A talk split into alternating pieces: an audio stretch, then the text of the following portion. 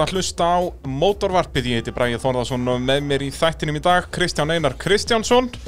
Og við erum uh, komni til ársins uh, 2008 og uh, áður en við höldum áfram að gera upp ferilinn að þá vil ég að sannsögðu minna á það að við erum í Nóa Sirius stúdíu á podcastöðurinnar og þættirnir eru í bóði bíljöfurs, tækjaflutninga, Norðurlands bílapunktsins og yðnvérla ásamt AB varahlutum að sjálfsögðu sem hafa verið með okkur frá fyrsta degi og hvetja alla til að kíkja inn á Glasurit á Íslandi Facebook síðuna en Glasurit málingavörunar fasti mitt í AB varahlutum. Frábærar vörur og, og já, er þetta bæði lökk og, og, og allt sem að tengist í að mála bíla?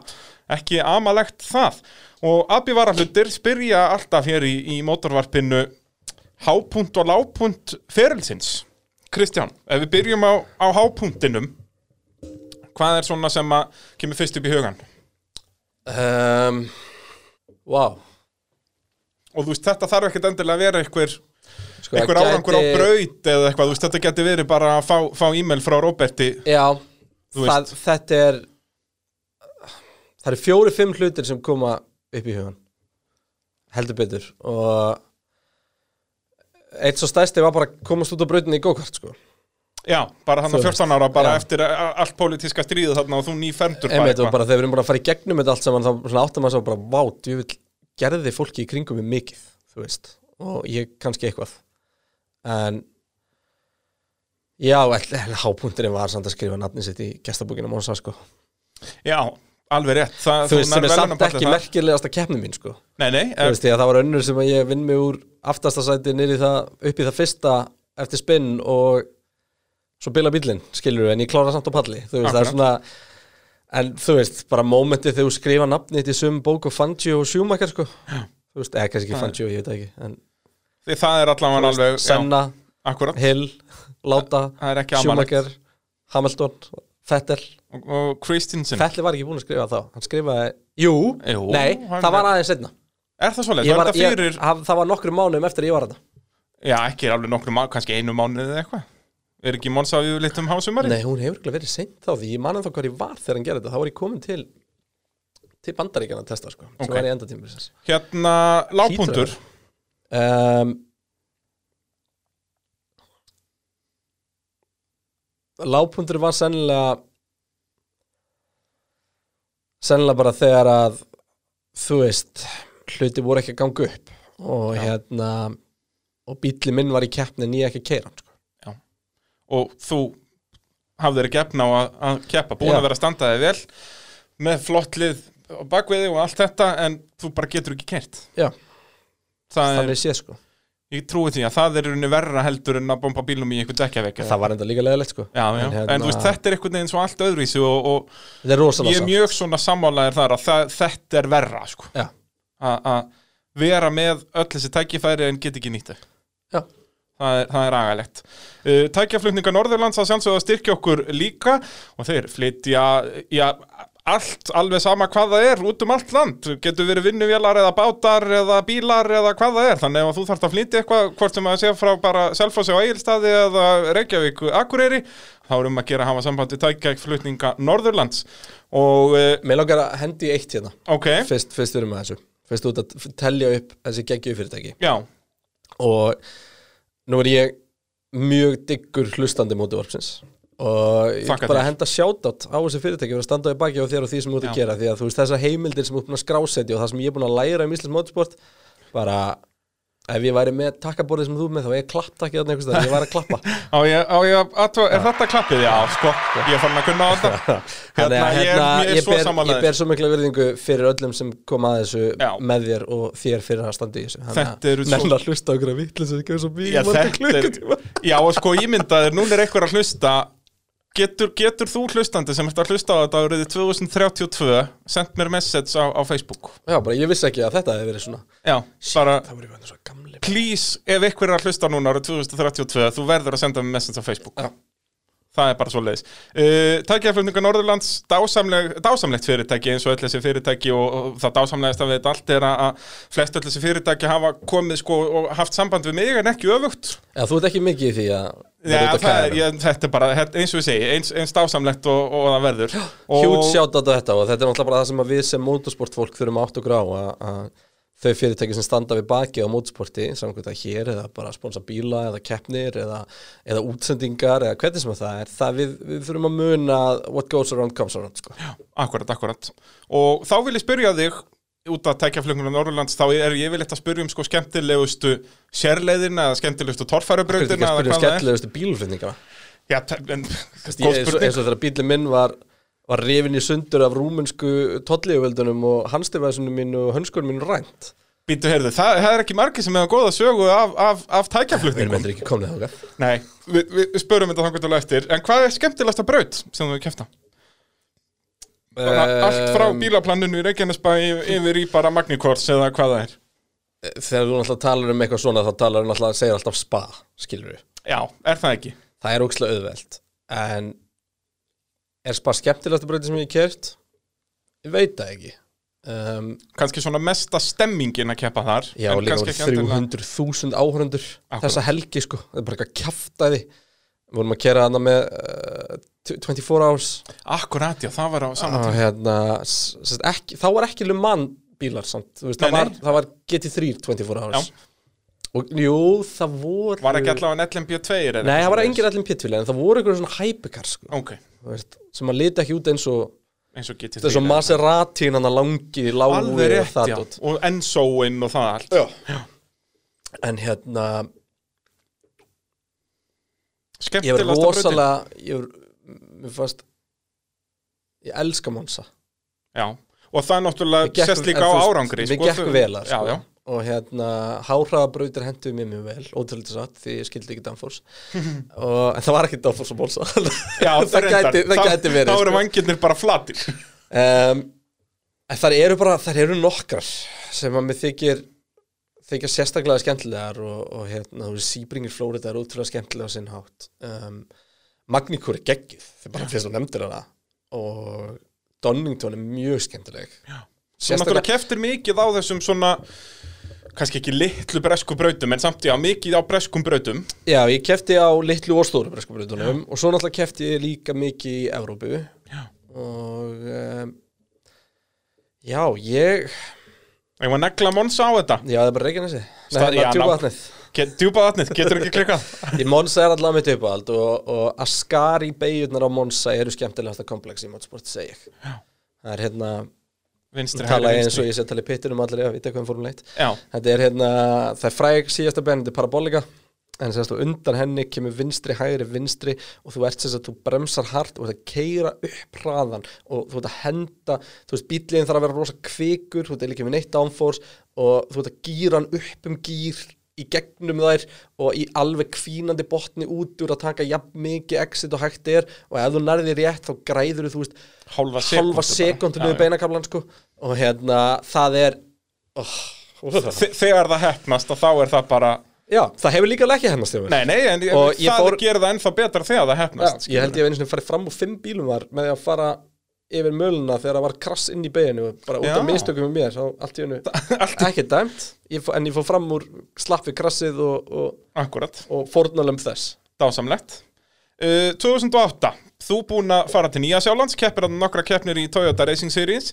Uh, Svo kemur aftur heim, er jetlagt í þrjár vikur Og hvernig var planið þarna? Þarna vissur að hvað, þú ætlaði að bara flytja út til Bretlands og eiga heima þar um sumarið, eða ekki? þarna vorum við farin að skoða mögulegan á því hvað, hvernig það myndi ganga. Já, og á endanum þá var frábær niðurst á því um, ég flutti inn til fjölskylduðan úti og vildi svo skemmtilegt til að hann sagt, uh, hann var þjálfari minn. Uh, sagt, varð þjálfari minn líka. Og þetta er sem sagt Jónarda Magnússon fyrir mólum í, í, í tugþraut alveg rétt. Og, og sennilega ég eiginlega bara leiða mér að segja að ég hef aldrei nokkuð tíman kynst mannesku með meira innbyggt í þróttagen það var ekkert, ég ætla að vona að segja að hlusta því. Að ég var náttúrulega eldgamall og lungu hættur að æfa og gerði ekki neitt.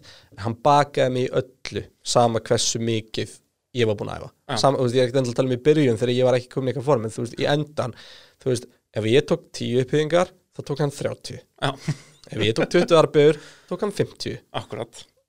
Veist, ef ég tók 100 metra Magnaður. sprett þá tók hann 400 metra. Það var allt svona. Og þetta var óþólandi en þetta kerði mig svo áfram og hann er, hann er svo skemmtilega klikkaður þegar kemur að þessu. Þú veist, ég var bara rifin fram úr klukkan 6 Já. Þú veist, ég bara var með næra hæðina fyrir mig hann í húsinu.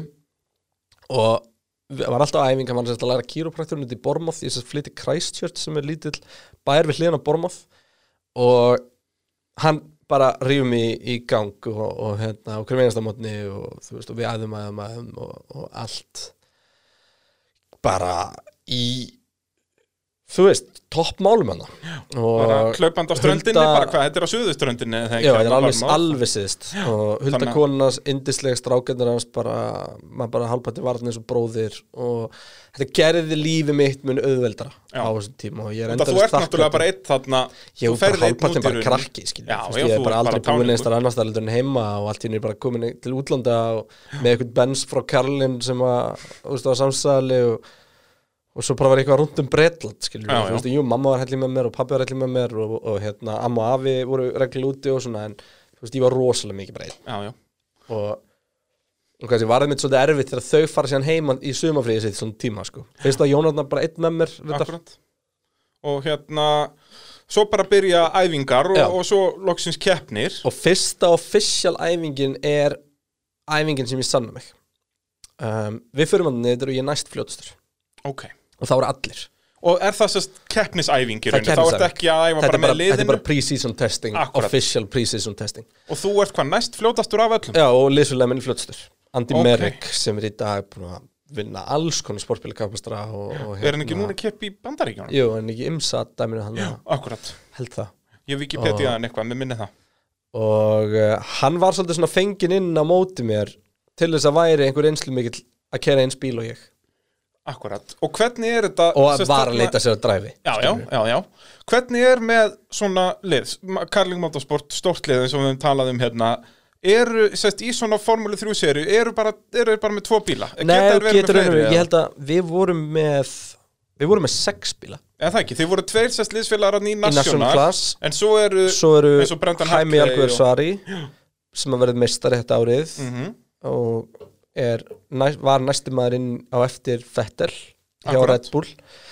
Um, uh, Brendan Hartley sem var maðurinn eftir honum hjá Mhm. Red Bull en lendi í því að hann fell out með Helmut Marko og misti dræfið sitt hjá Red Bull en kemur sér aftur inn setna fyrir Toro Rosso. Já, já, um, Oliver Törvey sem er búin að vera að banka á titilinn í Formúlu E núna lengi var reynslögum að McLaren í mörg ár og þróaði P1 til dæmis óbíli með þeim og já. frábærstrákur og svo uh, ástralsku strákur sem heitir Sam Abbe sem að svona ferillin kláraðist bara svolítið eftir þetta. En hvað, þannig eru þið með tvo í rauninni Red Bull ökumenn, var það eitthvað tenging Já, Karlin, uh, Red Bull velur Karlin fyrir sína gura Ég skil, ég skil. Og hann var ekki tilviljun að þeir Já, voru árið eftir var Daniel Ricciardo í liðinu og, og hérna og ég heldur að Max Verstappen hef aldrei kist fyrir á Men hann hann, náttúrulega var svolítið eins og sko. Já, hann náttúrulega svipað og þú hoppaði yfir mikið að skrefunum sko. Þannig að getur verið að hann hefði hoppað yfir Formúlu 3 einmitt. Um, Nei, hann hoppaði ekki við fórum þrjú held ég. Nei, já. En Þannig að þið, og- þið voru með þó nokkuð marga bíla en voru tveir í þessum national class sem voru þess að með eldri bíla og sko, það var ekkit óalgengt að Karlin kláraði 1, 2, 3, 4 Já, þú veist, þetta voru og bara við svo erum búin að tala um terroristir ökumenn, Já, sko. og, og bara þetta lið er bara, bara á öðru leveli sko. akkurat, akkurat og hérna og en þú veist alveg, þú veist, það, þetta er ekki eitthvað samt þannig að þetta var eins og Mercedes á móti Williams sko, Nei, nei, nei, nei Þú veist. en, en en þetta var, þú veist, það var fraksjónum munur og bestu aukuminni sækja náttúrulega í besta lið Já, og það er einmitt gerir þessa stöðu sem þú ert í þarna svo fárlega ennþá, Já, ég segi það, ennþá stærri að- þú náður að sanna þarna í þessu eina Formúlu BMF testi og og svo allt í henni gerist þetta allt saman. Svo allt í einu gerist þetta mamma ringir í leistjóran og, og bara uh, hjólinn fara að snúast. Já. Þú ert í öðru sæti eins og segir í þessu fyrsta testi. Já, og ég man sko að ég varð vitni að umræðu sem að ég átti ekki að vera vitni að það sem liðstöðun að tala um að ég sé að fara að taka tímbilið Ok, og hérna en það sem hann alltaf kannski blöffaði smá þarna var að ég var bæði búin að testa þarna í Formule BMF og svo í Formule 3 eða allar bröð sem ég kom af þetta hef ég aldrei séð fyrir nú veist, þannig að hérna, það hjálpaði mér. Og, en allir sem er að kera á móti voru búin að kera þessar brautir í alls konar formúlum. Þannig að hérna, ég, var, ég var alltaf að synda móti ströfnum og um þetta leiti er efnaðarlífið hérna heima að byrja að fara í örugl já Þú hvað, veist, það hrynur hrun þetta er allt- ekki komið. Nei, er það, í- september 2008 sem allt fyrir fjandast til? en En þetta er að byrja? Þetta er alveg byrjað sko. og ég man bara, þú veist, pundið þegar ég að- fór út var 119 eða eitthvað fáranlegt og það bara komið í 180 Já, bara um haustið er það komið í Nei, bara hann tæpan strax 200 var þetta bara orðið eitthvað rugg sko. Einhver einustu viku varð allt dýra og þá er nú er bara að tala um að fara í búð og, og ná mér í, í kjúkling og pasta sko. Mhm. þú veist Og hérna, og þannig já, við testum þarna. Og þetta, og svo er bara smá testing fram að fyrstu Olton Park. Og, og þá er bara sjálfstöftu í botni. Þú hérna bara, heyrðu, ég ekki bara Já nei, að ég var ég áttaði mig alveg á stöðinni en innst inni, þú veist, ég manlegt að fara að sofa kvöldi frá Park og segja, hvað ef ég vinni þetta bara? Já, já, það var alveg, Það var alveg þannig, sko. já, já. Og já, svo bara er komið að fyrstu keppni í raun og veru. Já, og það er eins og segir, Ölton Park. Já. Og hvernig gekk það? um, Ég á deginum ekkert að missa mjög gleði. Nei, uh, eftir á að hyggja stórkostlega. Ok. Því að uh, ég er að rifja upp sko hvernig keppnin fór en en uh, ef ég man rétt þá hvort ég kláraði fjórða eða fymta sæti í fyrstu keppni. Já. og Af alveg hvað, þetta voru alltaf ykkur í 13 bílar eða eitthvað í þessum national já, já ég, var, ég var fjórði. Já. ég var fjórði nei, ég var fymti og fjórði. Þetta voru alltaf sérst tvær, Tvær hverri yfir, yfir sko. helgina já, tvær tímandegur og tvær keppnir. Já. og ég er ekki með ég held að þú er með niðurstöðunar og öllum keppnum við er Ég er bara með brautirnar, sko, sorry með mig. En, en sérst að þetta byrjaði vel og, og svo er það næst ferða á Croft-brautina sem þá hefur eitthvað keirt Já, það gekk aftur fínt. Já. og þetta var bara svolítið ég hana, ég, veist, ég var svona að dansa við pallin var með líthópnum um, var fyrir framann hægari aukumenn í, í efri flokknum. Mhm. þú veist og mér var bara að ganga alveg ótrúlega vel framan af. Og það var rosalega upwards kurva. Og í raun og veru átti velunapaldurinn að vera lungu komin hana þú veist, Já, en ég var náttúrulega bara að gera ykkur mistök og, og sko það sem gerist þannig strax til þess að tímatökur voru ekki vinnum minn. Ok, og ástæðan fyrir því var bara einfalt. Um, ég kunni ekki tímatökur. Hvernig? ég fekk aldrei að læra tímatökur. Uh, þegar fyrir tímatöku á í, í einhvers konar alvöru kapastri það sem eru keppnisdekk sem enda stutt og annars slíkt Mhm. þá er þetta bara, bara, þetta er bara nákvæmlega sem formuleitt til dæmis.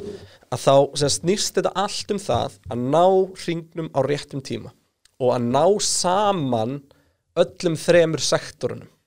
Akkurat. Og ég var að lendi því að kannski liðsfélagi minn hann kemur inn og segjum bara tíminn hans ára hefur bara verið 1.00 og það var ráspól ég var 1.005 en svona optimal tíminn ef þú tókst besta fyrsta sektorum mitt besta annar sektorum mitt og besta þriða sektorum mitt var kannski 59.5 Já, þú veist. Og það var bara ekki að ná þessum fullkomna ring Nei, og það var bara, þú veist, ég, meni, ég var bara alltaf að læra brautina, læra bílinn, læra allt, þú veist, skildi ekki hvernig ég átti að hita dekkin, kunni það ekki, kunni ekki að, hérna, að passa upp á bremsurnar, kunni ekki, þú veist, það var, bara allt, ég kunni ekkert. Nei, nei, Þú veist, ég var bara í fáranlega djúpri laug. Og, og þú veist, þess að segja eftir á var árangurinn eiginlega alveg fáranlega góður. Já. Og, og þú veist, um, en var þetta tímatökunum, var þetta dekkin þetta er þess að þú færð, það munar alveg svona á vennilegri braut alltaf sekundu á dekkjunum á öðrum ring og sjötta ring þú veist já, og ég var bara sjaldnast komin í þann hraða á öðrum þriðring, ég veit að kera mig í gang svona og þú veist að láta allt virka strax í byrjun. Þannig að, að, að raun og veru það flækt alltaf máli, þannig að ég var oftast að ræsa svolítið aftur en að vinna með þessu upp í keppninni sko. og reiskraftið mitt var alltaf gott. Þú veist, ég var með lítið áreikstrum ég var góri að blokka, ég var góri að fara fram úr og hérna og þannlað. En svona tímatökurnar var alltaf arkillesan hællin já, Formule 3 er ekkert ósöp á Formule 1, þú veist, það er erfitt að fara fram úr sko. Já, já, þú veist, þú ert með það mikið downforce og þú ert með diffuser og þú ert með allan pakkan þú veist, það er erfitt já. þannig að hérna þannig að já, og, og þar leðandi þá bara þú veist, var maður bara banka safni reynslubankarna og, og- ná, sér í, ná sér í upplýsingar sko. Svo er fymta keppnin, semst þriðja helgin, það er Monsa. litla helgin sem það var Litla helgin sem það var. Uh, og þar nærðu þínu fyrsta velunarpalli, Já, í setni keppni var það ekki held það. Sest á þá sunnundeginum. Já. Um, Jú, það sem, þetta var mjög áhugaverð keppni. Ég kláraði öðru seti Nú, Já.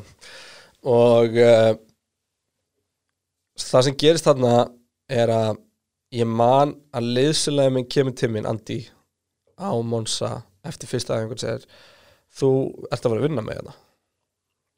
Og var ekkert, þetta var ekkert eitthvað það var ekkert eitthvað bear, sko. hann var búin að vinna alla keppna held ég fram að þessu sko. og hérna með rosalega miklu reynslu talað eldri en ég og hérna og uh, segi bara, þú veist, þú er aldrei kyrþjóbil og það bara meina það bara innilega og Já, hún bara já. miklu félagar sko. og hérna ég man að í, í fyrstu tímatökunum þá var bílu rigning á Monsa sem gerist rosalega sjaldan Mhm.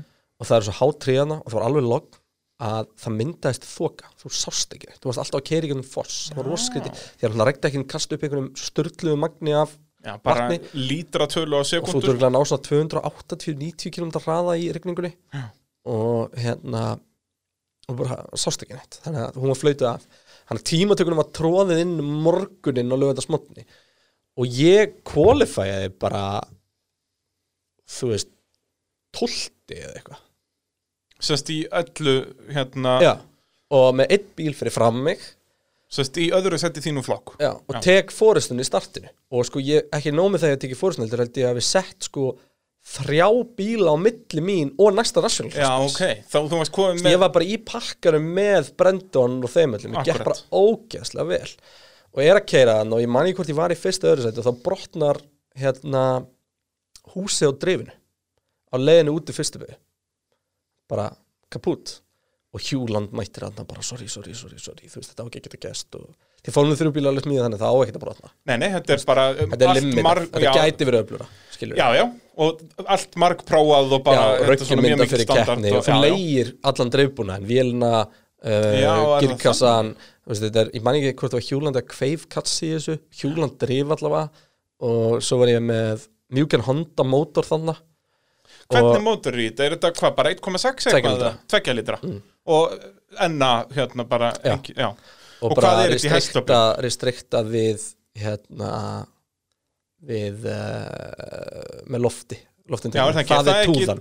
Já, Formúlu svona- 3 bílar er alltaf með svona, þetta er alveg agalega ljótt já, þetta er bara íkonið fyrir bílinn sko. Akkurat, og það er í rauninni loft restriction ógeðslega pyrrandi, þetta er náttúrulega þú sérðu það ekkert í vinstri speklinu Nei, nei, þú sér bara, túðuna hana og, og hvað er þetta í hestöflum? Mástu það, er þetta hvað, 250-300 hestöfl? Já, það er ekki, og svona 450 kíló. Já, þannig að þetta fer alveg áfram eins og við segjum, undir 2 sekundur 100 Já, og 300 km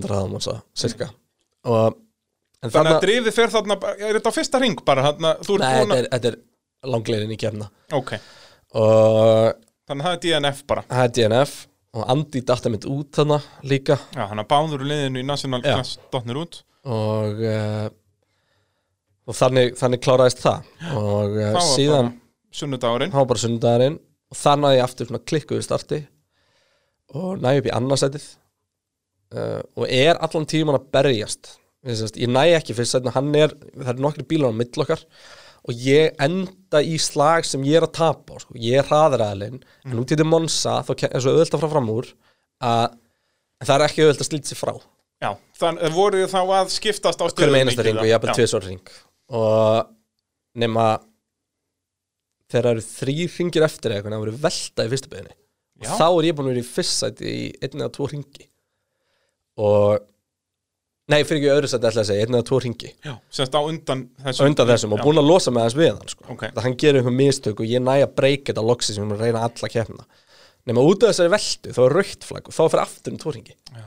Þá var ég fyrir þess að ég komið lirna Þannig að, hérna, að það var svona bitter sweet En Það var helviti að gott. pallinu Það var helviti gott að keri burtu frá Monsa með byggar Og kampaðin og kampaðin Þú, ég lendi svo asnalega aðtökja á pallinu maður. Það er rétt, já, segðu okkur bara því Það er til mynda þessu sem er dásamleg Ég hefði aldrei Ég hefði aldrei sprautað á kampaðis fyrir skæðum Ég hefði ekki svona smakka kampaðin Þú veist, ég minni, ég er átni, ég, þú veist, valla fann að smakka neitt á það, sko. Já, já, bara ert ólinn í þessu og engin tími til að fara að fyllir í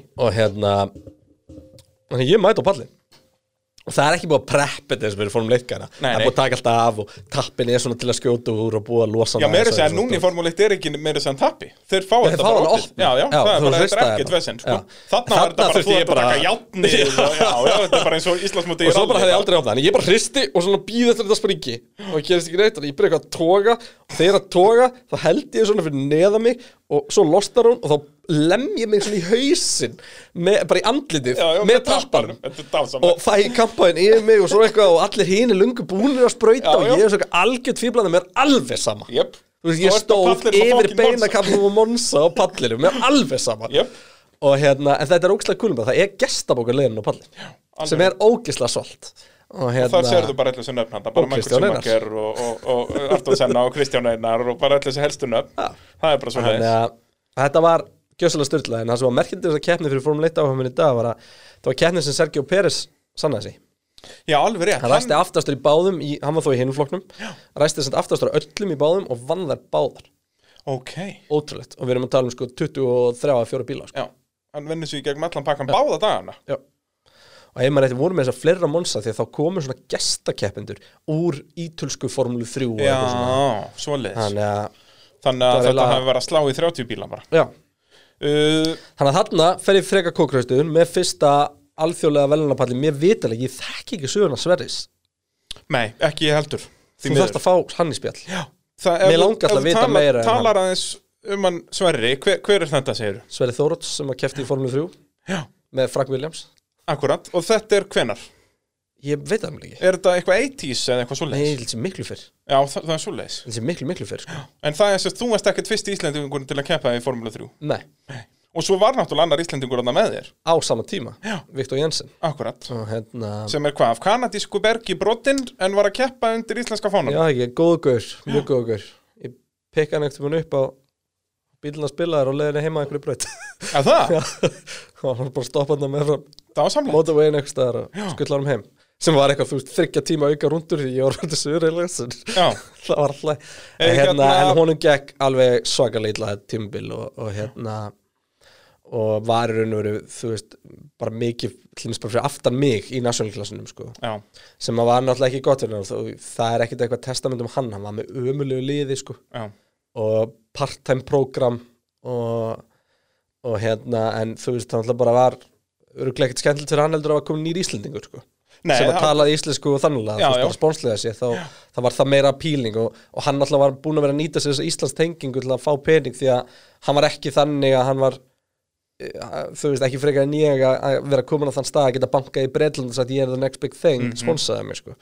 Þannig að hérna það var flókið sko. Já, og eins og segir, svo sennilega að vera alþjóðlega- komin í Formule 3 og þá er annar Íslendingur Já. þar. Þetta er alveg bara, og þið eru bara tveir einu Íslendingadir sem hafa komist annað skiluru fyrir utan, hérna fyrir mörgum, mörgum árum síðan. Einmitt. Þannig að þú ert kókraustur eftir Monza og þá er næst Rockingham Motor Speedway. Jésús, það er skrítið það Já, sko, ég, já, ég hafði ekki hugmynd um þetta. Ég var bara þegar ég var að googla þetta núna hún var byggð fyrir eitthvað svona naskardæmi í, Í Bretlandi, já, já, það er náttúrulega keft í NASCAR í Evrópu Já, það var samt ekki, ég veit ekki hvort NASCAR ekkert var kæftið þetta En það Nei, var alveg mjög ekki, sko. skrítið NASCAR-ish bílar þetta Og þetta er sem sagt bara fjórar beigur, bara óval braut Ekki sem ég kæf á, það er infield sko. Það er svona og Indianapolis Ok. okay. Þú kerðir hálft óvalið Já. og infield Ok, ok um, Þetta var Mér gekk illa þarna manni, ég man lítið eftir þessari keppni En ég man mér gekk allavega ekkit sérstaklega vel. Um, Hvað gott, ég datt ekki út í fyrir keppni.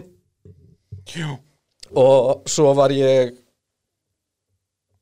Hvað? eitthvað 50 eða 70 eða eitthvað Eitthvað þannig og, og hérna. Og þetta er náttúrulega Við tölum um að þetta er breska Formule 3 serin En samt eru það að fara að ná Monza og Spa og svoleiðis En þetta er annars mest allt í Bretlandi Og þá farið þið næst á breyt sem heitir Snetterton Já, sem er breytið sem ég lísti inn í byrjun með fyrstu Akkurat. beginni. Það er mjög skemmtileg braut um, og þar, ef ég man rétt uh, gekk mér bara fínt í annari keppni en ekki hinni Mhm. og uh, Hvernig er svona hugar ástandi á þér þarna þetta tímbil? Þú ert búin að ná þarna einu velunapalli Hugsaru að ok, þú veist, ég þarf bara að halda áfram að það, þú veist, með svona árangur. Já, fyrsti sigurinn átti alltaf að koma, sko.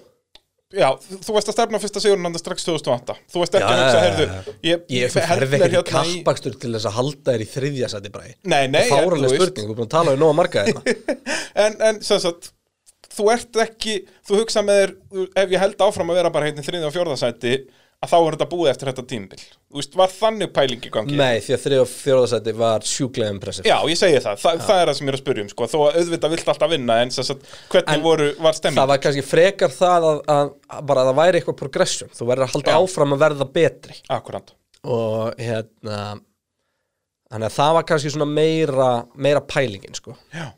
Og svo heldur áfram að keppa þarna Þrögston uh, næst og svo það er náttúrulega það er Hva- hvernig- eldgömulbraut sem er nánast óval en hún er samt ekki Ok. óval sko, hún hallar ekkert eitthvað neðan þú, ert í botni svona 80-90% af tímanum og hún er fræg fyrir það að það eru háaðatakmarkaðar í hádegin og sunnudum því að það er kirkja Alveg á brautinni. Og þá er messa Og í kirkjan er semst inn í er og það bara við erum að beigina Já. Þetta er bara gamall, þetta, er eina af svona legit gamli flugvellirbrautum Já, já. sem er ennþá bara gamall bara, flugvellur gam, bara allir þessir gömlu herflugvellir að Já. þeim var öllum bara breytt í kappasusbreytir og það var braut sem hendaði mér ekkert bráðast að vera. Rosalega high downforce, rosalega mikill hraði alltaf í botni, alltaf í beigju aldrei koma á gáður, þurftir að vera rosalega confident á bílinn. Það var svona braut sem að ef ég bara fengið testdag þar en ekki klukkutíma æfingu eða tekjutíma æfingu, þá hefði mér gengið miklu betur. Akkurat. Og, og var svona, já, hraðar beigjur og, og vesend Já, uh, Svo náttúrulega Brands Hats sem er sögufærabraut, þar hefur verið keft í Formule 1 og, Já, og meira Brands og Hats meira. var rosalega skrítinbraut uh, það var það var svona á þeim tífumpunkti fannst mér það að vera lágpunkti fyrirlis Ok, mér gekk hræðilega. Þetta var fyrsta keppnin það sem sagt liðsjölaði minn fær sýkingu í heila eða eitthvað álíka ekkert ósvipað og, og Rúna Jónslendi í raun og veru. Já, svoleiðis, eitthvað bara svona heila ekstra Já. eða svona bara þá, þá kom svolítið betið, þá mætti eitthvað gömul formúlu 3 hetja sem að var sérst þjálfarnars og þetta gerist bara nokkuð um aðra og ákveður bara taka þátt því að hann gata Ok, og keiri með mér hann og ég margir hvað hann heitir sko. Nei, og um, hvort hann var meistar ekkert um hann, þú veist, in the 90s eða eitthvað, já, sko. en bara er þarna, hvað er það bara fertu? já, bara gamall og feitur sko. Já, ok, og en bara þarna hérna Formule 3 bíl, ég ætla að keppa já, það er búið borga fyrir að kemna og allt annað, að bara fer í staðinn og, og þetta var rosalega vond fyrir mig því að þetta þýðir það að ég missi hinn gaurin úr liðinu sem að kunni þetta og ég áttaði ekki á því þannig hvað ég var búin að halla mig mikið á hann. Því ég kunni ekki að stilla bíl. Ég hafði aldrei lært það. Ég gætt gefið eitthvað feedbacki á en, En hann var miklu betri Já. þannig að allt í unni staðin fyrir það að ég væri að reyna að stilla bílinn minn upp með honum við vorum saman í því og meira svo til kynni að það þarf að vera saman þetta búrið saman Mhm. þú veist, ég kem inn fyrir hverja einustu mínúti braut voru tíu mínútur í tölvu sko.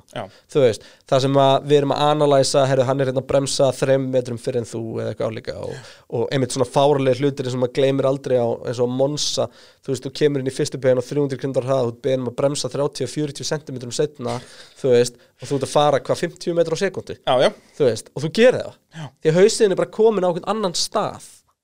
Já, þannig er það sem við varst að tala um á þann að undir með þetta tekur við. Já.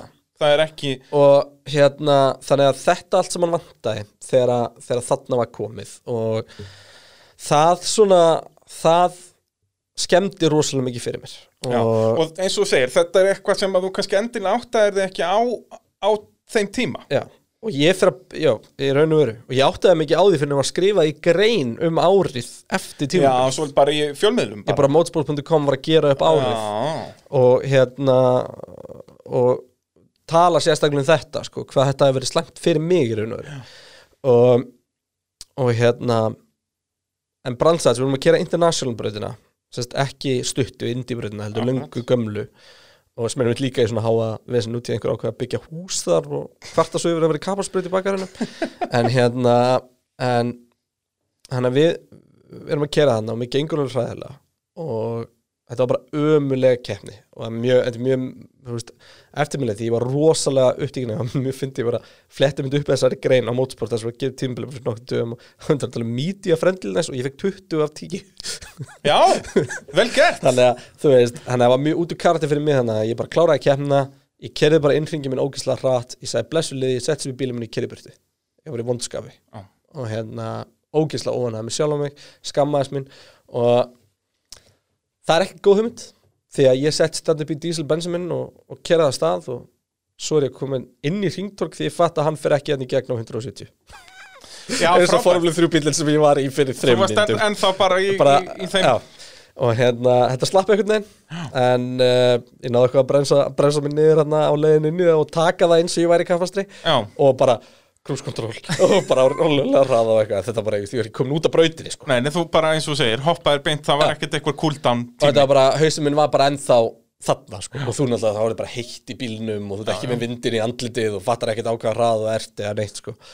Að, já, um, það er ekki það enda illa. En uh, Og En- sagt aðalmáli með þetta er eins og segir að þú, þú gast ekki verið að setja bílinn upp með liðsfélaganum. Já, það var svolítið mikið það og svo og svona það náttúrulega er, er restin af tímabilinu er svoleiðis og hann kemur ekki aftur í það úr þessum eh, heila vesenni nei, kemur ekki aftur. Og en ertu þá ennþá með hennan færtu að feita gæða nei, með þér er bara engin já, er, þú ert Já. bara einn í liðinu. Og þannig allt í einu var data samanbyrðið minn orðin við annan bíl með annan mótor já, og annan downforce skilur sem er vita vonlust það gaf okkur alveg eitthvað indication að bílunir eru alveg líkir Já, já. Þetta er bæðið Delara og þetta er bara, þetta er bara þróun á honum en þetta er eins og að Racing Point og Mercedes var að bera saman data sitt í Formule 1 skilur akkurat. og hérna næsta keppna eftir Spa sögufara braut já, mér gekk nú ágætlega þar ef maður rétt já. hvernig Nei. var stemmingin að koma á Spa wow. þegar kemur hana á föstudeginum og tjaldsvæðin er að byrja að fyllast. Út af þarna er eins og við vorum að tala um 300.000 manns út af 24 tíma keppnin er á sama tíma. Já, og ég man að taldi um svona út í að uh, egoðum mann sér að þælast fyrir mann á þessum tíma og annars slíkt að hérna, ég man ég var svo vonsöki með bílnöfbílinn sem ég fekk ég fekk Fiat 500 og mér fannst ekki cool að mæta á skjanna hvítum skvísu Fiat 500 Litlum loksist þegar ég var að koma á spa. Já, og hérna, en það var mjög fyndið, ég glemt nefna á hann því að út í erum alltaf að tala um afa í samingi ég hef svolítið gert að mér um óleg með eitt. Uh, eina keppnin sem hann kom ekki á 2008 var Monza. Já. Fyrsta skiptið sem ég vann skíðakeppni var eina keppnin sem hann komst ekki á það Býttu, árið. þetta er náttúrulega, þetta er náttúrulega ferðið ha, það var alltaf eitthvað svona. Og hérna, varstu þá ekki byrjar að hvetja hann að mæta ekki já, ég held að hann er ekki alveg verið komið þangað Nei. en, en hérna Spa var nei, Spa, já, mér gekk sko, niðurstaðan á Spa var vond ef maður rétt, en á persónulegu leveli stóð ég með óbúslevel ok, Eh, Ég lendi í bylun í tímatökum og ræsti aftastur og ég tók besta start ever og ég man sko að að- að voru nokkri vini mínar á brautinni með og hérna höfum við mitt farið á Nörbúring Norðursleifuna og leiðina á gað og gert alls konar eitthvað skemmtilegt og hérna skildi enginn þegar þú veist bensin minn var kerður eitthvað 6.000 km og þurfti nýja hérna bara brems, diska já, nýjar bremsöður og hérna, eitthvað dísel svona kompakt sé-bens og hérna þurfti nýja diska því ég skila ánum og eitthvað. Ég var samt nægilega séður að hafa plokkað af nörbörgur í glimmiðan áður en ég skila ánum og hérna ég skildi ekki neitt, það hlýt bara eitthvað framlæslugalli allir fjóri diskarnir bara. En ég skil ekki til það þess er fárulegt sko og hérna, hérna- þannig að þú stóðst þig vel á spa og á upp. leveli sko. Já, ég tók besta start sem ég eitt með að tekið og ef maður rétt að var 1,60 eitthvað indrað já, ok. Og og hérna vinn mig upp og sko viðbröðun á ljósinu voru bara eitthvað 0,00 eitthvað, þú veist, bara svona nánast þjóstart já, og hérna og ég fyrir fram úr sko held ég sex bílum inn á fyrstu beigðu, fram úr tveimur eða þreimur í beginni og þessu klippar á leiðin út í unni. Já, ok. Kert aftan á mig, Það- og eða inn í hliðina dettur út eða, aftast, þú held ég alveg öruglega en náður að byrja svo klára að vinna mig upp aftur. Nei, ég kláraði hann ekki því að þarna brotnaði eitthvað í afturfjöruninni og hún gaf sig uh, á mjög skýri stað. Uh, hún gaf sig í gegnum hrað, hröðu vinstri beiguna fyrir böstofið og allt í hennu er ég bara að horfa upp í bara á veginn bara hægri afturfjörunin hún bara var ekki lengur til staðar. Og bílinn bara lagðist niður aftan og ég bara horfa upp í heiminin og það var svolítið skýri á, þú veist, 250 eða eitthvað? Já, og þannig ég datt út laðunum í bæstofinu og hætti. Og það var fyrir keppnin og setni keppnin var eitthvað svona svipað dæmi en ég held ég að við klára hana. En þú veist, ég var, ég man til dæmis að ég var með hraðastarhingin í æfingum og hérna og í tímatökunni var því og rektingaldarhingurinn minn langhraðastarhingurinn Já, já, ef þú tókst- optimal hringurinn já. og hérna en aftur bara, þú veist, ef það er einhver staðar sem þú þarf að kunna á dekkin þá er það á spa, skilur og ég kunni það ekki og var ekki með liðsvölu og ég var ekki með tó, það, já, það skemmdi líka fyrir mig. Í Formule 3 Já. skiptir sem ég, ég var ekki með liðsvölu alltaf tóa við. Þá skiptust við á að taka ringi Akkurat, og það er gert semst í tímatökum Já. að hafa, að, að, þú veist, að elta. Það er, það er 1,8 sekund á spa í Formule 3 Já, sko. ég ekki trúa því. Þú veist, því að Mulsan kablin þegar hún nærð bara 270 er endalus Já, akkurat. En ég man alltaf tilfinninguna fyrst þegar ég keiriði út á spa út úr pittinum. Og einmitt sá um að hafa upp í stúk íslenska fána. Við voru hann við pittina sem kom út. Og hérna og ég er að kera hann niður og, og maður, þú veist, fer að keira og maður er að hugsa með sér og kemur inn í órús og þá er bara herri, þú veist, Bellof krassaði þarna. Ég bara horfa á staðin sem hann fór og hérna fór hakkinu fram úr sjúmakar og þú veist, og svo bara fóð maður allar hringin og þetta var alltaf rifjast upp fyrir manni og þú veist, það var, maður var náttúrulega með tárin í augunum sko. þetta var eitthvað svo styrlað það var eitthvað svo styrlað Já, og þetta, var- þú veist, ég var búin að kera Monsa og ég fekk alveg svipaða tilfinningu þar og sérlega maður að skoða gömlu bakkan og það sem var geðvitt var að hérna John Surtees var með okkur þetta eins og Monsa því að sonur hans var æfingafélagi minn og var að keira í nokkrum öðrum lést á Brands Hats sem er svona ástæðum fyrir að Brands Hats er mjög langt frá upp á spreytum mín bæði misti vinn þar og skeiti degið sjálfur. Er er það Henry Sört? Henry Surtees. E, og- hvað, hann endar á að klára Hann keppir eina keppni Á þetta tímbil bílnum mínum. Já, er það ekki? Þegar að, að við tölum um það á eftir. Og hérna og uh, þannig er hann að keira í Formule Runo fyrir, fyrir hérna fyrir uh, Karlin Já. Og, Og sérst John sérst- fyrir þá sem ekki vita er, er Formule 1 legend in Já. the 60s og hann kom með okkur Monsa manni og ég man að pappi var eitthvað að lýsa að fara að lappa kumlu brautina með John Surtees og hvað það var bara en skemmtilegasta daga. skemmtilegasta mómenti komur hún úr að keppna eftir en ég bara, kannski tala um það hérna, þá en þannig að upplifa allt þetta sögufræga dót þarna á spa í fyrsta skipti Já. var gjörsamlega bilað. Já. bara bilað. Og um, já, ég veit ekki sem hvað maður á að segja sko. Þú veist, það bara Já, bara þú varst bara starströkk bara við það að keira á Malbygg í rauninni. brautina sko, Já, já, og fara svo rúnda niður til Frankosjams akkurat. Gömlu brautina sem er nú þjóðvegur og, og hérna Þetta er svona bara þetta var svona eitt af fáum múndan, það var svo skrítið með, eins og lýsa sko æskunni hvernig þú veist það var bara eitthvað fáralitt fólk heim með fræleikarar og íþróttamenn og eitthvað svona dót og, og eitthvað þannlega. Þetta var eiginlega fyrst skitt sem ég varð starstruck. Já. því að þú veist maður Allt var hitt var ekkert búið eins að og vera bara eitthvað svo vennulegt ég, ég segi það ekki Nei, nei, en þetta, ég var komin til mekku sko. já. Og eins og segir, þú veist, þú varst starströkk bara við að horfa á steipu eða horfa á Malbygg, skilur að þetta er, þetta er svo steikt sko. já og það er bara, það er svona andið hana, ég veit ekki hvernig ég á lýsa. Já, Og líka, þú- þú veist, það er gamla byggingin hann við pittin og allt þetta, þú veist, þetta er alveg brautin svona, hún byrtist bara allt í hennu þú veist bara í alls konar skóum og einhverjum sveitavegum svo allt er bara, wow. Kemur Ég veit hvað á þetta er. Já, Já, og nákvæmlega kemur aður rús þú kemur inn. Og hérna og mjög skemmt, það voru einhverju tónleikar með við og rús á meðan 24 tíma keppni var og það heyrði ekki neitt tónleikarnir fyrir einhverjum Ferrari. Það voru ógeðslega háarir og hérna en allavega, þannig að þetta var þetta var stöðlega, þessi, komið 300 rús manns þessa helgina. Já. og Þetta var bara það tókst þetta ekkert svo mikið eftir, ég var alltaf stúku fullar og ógeðslega mikið af fólki niður hérna múlsein og eitthvað svona dót, en þetta er svo stórt svæði. Og, og hérna ma maður varði ekki jafn mikið var við það eins og til með að það hefur verið á Silvestóna sem er stúkur allar hringin sko. og þannig að þetta var, þetta var alveg alveg magnað sko. Og talandi um Silvestón, þá var það einmitt næsta keppni og það eru nú ekki minni saga Nei, Silvestón það var það var eitt fallegasta moment æfuminnar það var þegar ég mæti á Silvestón og ég sé afa minn starströkk í fyrst skipti því að inn í kaffitjaldun okkar situr gaurinn sem hafa með plaggat upp á veggaf þess að John Surtees Já, og fyrir það sem ekki vita þá er sem John Surtees sennilega merkilegast í kappásökumæðin sem voru aldrei hirtum Já. því að John Surtees er einu maður til að vera heimsmyndstari á ferri sem var ekki rauður til dæmis jep, var á hvítum og bláum ferðar Já. hann er líka einu maður sem voru heimsmyndstari á móturhjólum og í Formule 1 Já.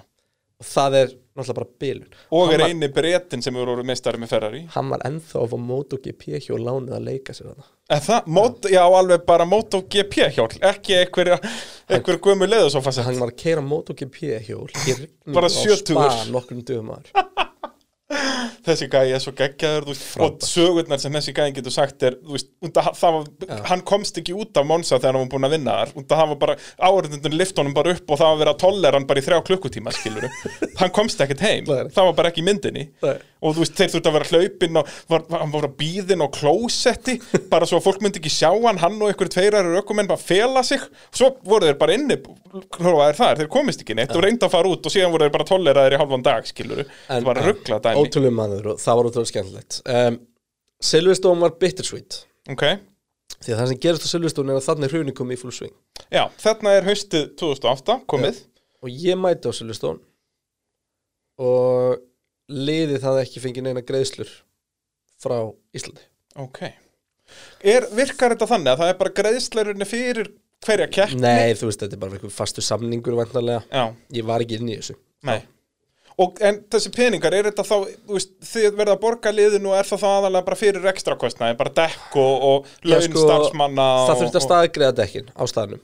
Ó, ok, þú veist, alltaf. Og liðið sá bara um það, skilur já, og það meiri sann í Formule 1 heldur líka, sko. Já, það er bara, í rauninni, það koma bara dekka vekstæði á braut, brautina í rauninni sem eru bara og trukkar, þarna var bara Avon sem var dekkjasupplærun okkar. Akkurat, og ég átti ekki dekk og ég átti ekki neitt og þannig er komið gjaldarisöft þannig að þú veist, það var ekki svona hægt. Það var ekki það að Robert vildi ekki eða Nei, eitthvað þannig. það var bara bara- ekki hægt. hann var titlar sem hriðiverkamæður líka við bara, mm, hann reyndi að slappna alveg við það. Ok, því að hans business var ekki hluti af þessu. Nei, nei, en þú veist, Og- þarna er ISAVE í full swing og bara, Já, þetta ég, er var, ekki- ég, ég minnast það svo æsef eftir en, en hérna, þarna er hruni komið bara í full swing og, og hérna þannig ég mættur ásölustun á að fara í tímatökur og ég get það ekki. Það er þetta var erfitt moment. Og kórun alltaf gerðist mér fyndin hlutur það líka, ég held samt að það verið daginn eftir. Ok, en hérna um, þetta var þetta var rosalegt högg og þetta var rosalega erfitt. Og ég bókstæðlega veit að þrem myndum á tímundökun að byrja. Ég er setn út. Já, bara út af því að það var ekki búið að borga fyrir dekk, og það voru svona hluti sem eru svo mikill rússibanni fyrir hausina manni, þú veist, þetta er einbindara keppni. Og mér gekk fínt, ef maður rétt. Mér gekk actually bara mjög vel á Silveston um, svona persónulega en ég kláraði ekki. En en sem sagt, varst sem að reysa vel, Já, þannig að við förum hann í tímantökurnar og svo í keppninni fyrir keppninni minni mig og svo get ég ekki staðfest það hérna? Uh, Já, nei, ég er nú klassifæður í báðum en ég, ég kláraði ekki. Já, að þá, gott ég var ekki í fjórðasetti eða þriðasetti þá lendi ég alveg fáranlega hlut. Um, er rosa lítið plássin í Formule 3 bíl. Og nú er ég náttúrulega lýsið með höndunum sem virkar rosa vel í podcast já, já, virka mjög vel, og hérna við hliðin á vinstra með þig er, er var svona lítil þokkilega lítill eins og minniskortalesari sem var tölva. Það var svona black box í bílinu já, og ástæðan fyrir að þarna var bara easy access á minniskortum og tengingum til að downloada data og þetta var datalokkin þannig að það var svona snákur í hann, svona feit snúra og þetta er náttúrulega allt jafn stutt og hægt er. Já, já, hann losnaði. Og ekki nóg með að losni þá smelt passa hann inn í stýri mitt. Þannig að ég er búin að berja hann frá alltaf. Svo er ég að koma um, þetta er áður en að Silvestan er breytt. Þannig að ég er að koma undir bridge svo fyrir upp til vinstri, heitir ekki stóf? Nei, hvað heitir hún aftur? Ég, þetta, ég man ekki hvaða beigir hvað er og sérst inn á fyrir beigina, síðustu beigina fyrir gamla ráskaflan Já, ég að fara begin, þá stýrum mitt bara fast. Og þá var sérst þessi tölva kassi já. búin að festast akkurat inn í stýrinu mínu, stýri pínlítið og þetta bara akkurat passaði inn í gatið. Og ég gæti ekki beitt því að þú veist það var bara snákurinn hélt þessu og þetta er að gerast á sjúkri ferð og ég er að bara koma til möl um leið og ég missi af venturínu fókus, já, já. Og ég bara lenda að maður afi sáttu akkurat þar ég horfði upp og þau Frábært. og afi, Íslenski fáninn hérna, eitthvað. þú veist bara með hendunar á höfðinu og skilur ekkert að gera þessu bara af hverju beigðu það ekki Já, þú veist og hérna ég mannliði skammaði sín svo sko eftir allt sem ég hef búin að ganga gegnum þennan daginn sko og þá var það bara nokkur þetta. bensli á okkur um kassa sem að gáðu sér Já. Það er náttúrulega agalegt þetta var ekki sem bensli, það var eitthvað svona, rosalega, svona franskur hennilega svo plastegnin, ég veit ekki hvernig þú lýsir svona sem að bara alveg limdist saman og hérna en allavega, þannig að við erum við erum uh, fyrir sinni setningkefna, þá gerist nú frekar fyndi atvik. Ég uh,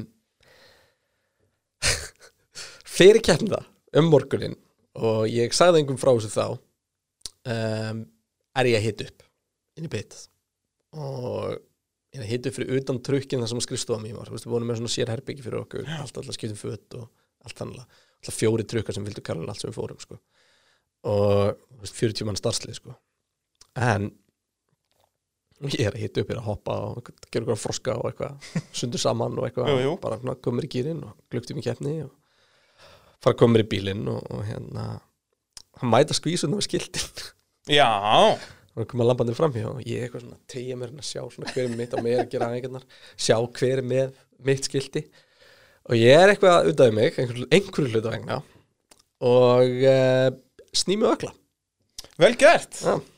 og uh, það voru góður á dýr. Já. ég horfði á bólgun að byrja að koma og blæðinguna í löpina neina, ég sest, uh, er einn af þeim sem er alltaf að snúa með ökla Já, gerist alltaf svona, fyrir, ég fyrir badminton tvisvar og þá er ég búin að snúa með ökla það var samlegt. Eða ég fyrir fótbolta eða whatever sko. og hérna, það var búið að gerast mjög oft yfir hann hárgóður á dýr. Ég leipir í bíl, finn næstu gaffelteibrúlu sem ég sé, teipa löpinu minna fasta. Já, Og- stoppa bólkuna með gaffer og tremur í skóin á mig ég geta og herði hann bara fast og ég geta og bara onni bíl og bara býð þar. Og svo ker ég á pittin og þar er náttúrulega vinkunum mín Já, já, veiðu þetta og hérna Þú hefur ekkert snúið aftur úr ökla Nei, ekki þá.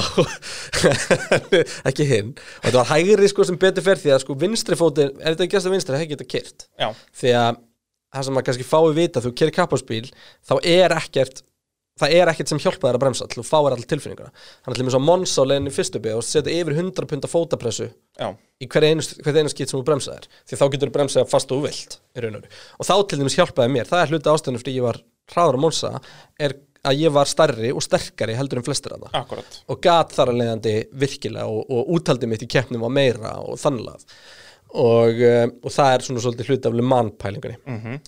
en svo fyrir þess að keppnu ég gerði nú held ég ekkert merkild í henni. Það var eitthvað frekar ómerkileg keppni. Og, en, en Svo bara var fer, fer skórin af og, og löppin bara bólnar upp. basically. Dásamlegt uh, Þarna eru penningarnir búnir. Ekki alveg. Ok, náður að keppa í hvað næst er Búkarest eða ekki. Og, það var síðasta keppni minn í bröskóðum þrjú. Og það var keppti ég bara aðra keppna já. og hvernig endaði það? það endaði dýrt. Það endaði áhugavert. Já. Er ekki best að orða það þannig?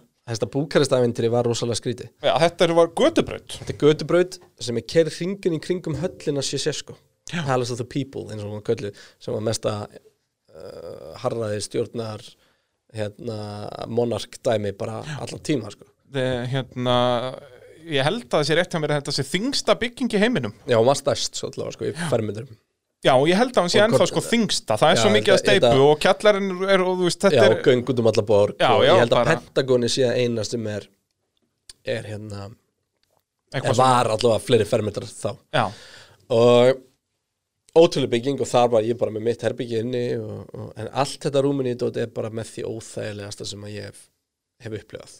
Hvernig þá? Þetta var bara, svo óþægilt að vera annað þá sem er algjörðu fordómar örgli mér en það var bara svo mikið skrítið í gangi hvað, hvernig? Þú veist, mér fannst ekki þægilt að gæinn sem að skoða við breyðum mitt var með AK hangandi um halsin Já, svoleiðis, það var þannig stemming bara.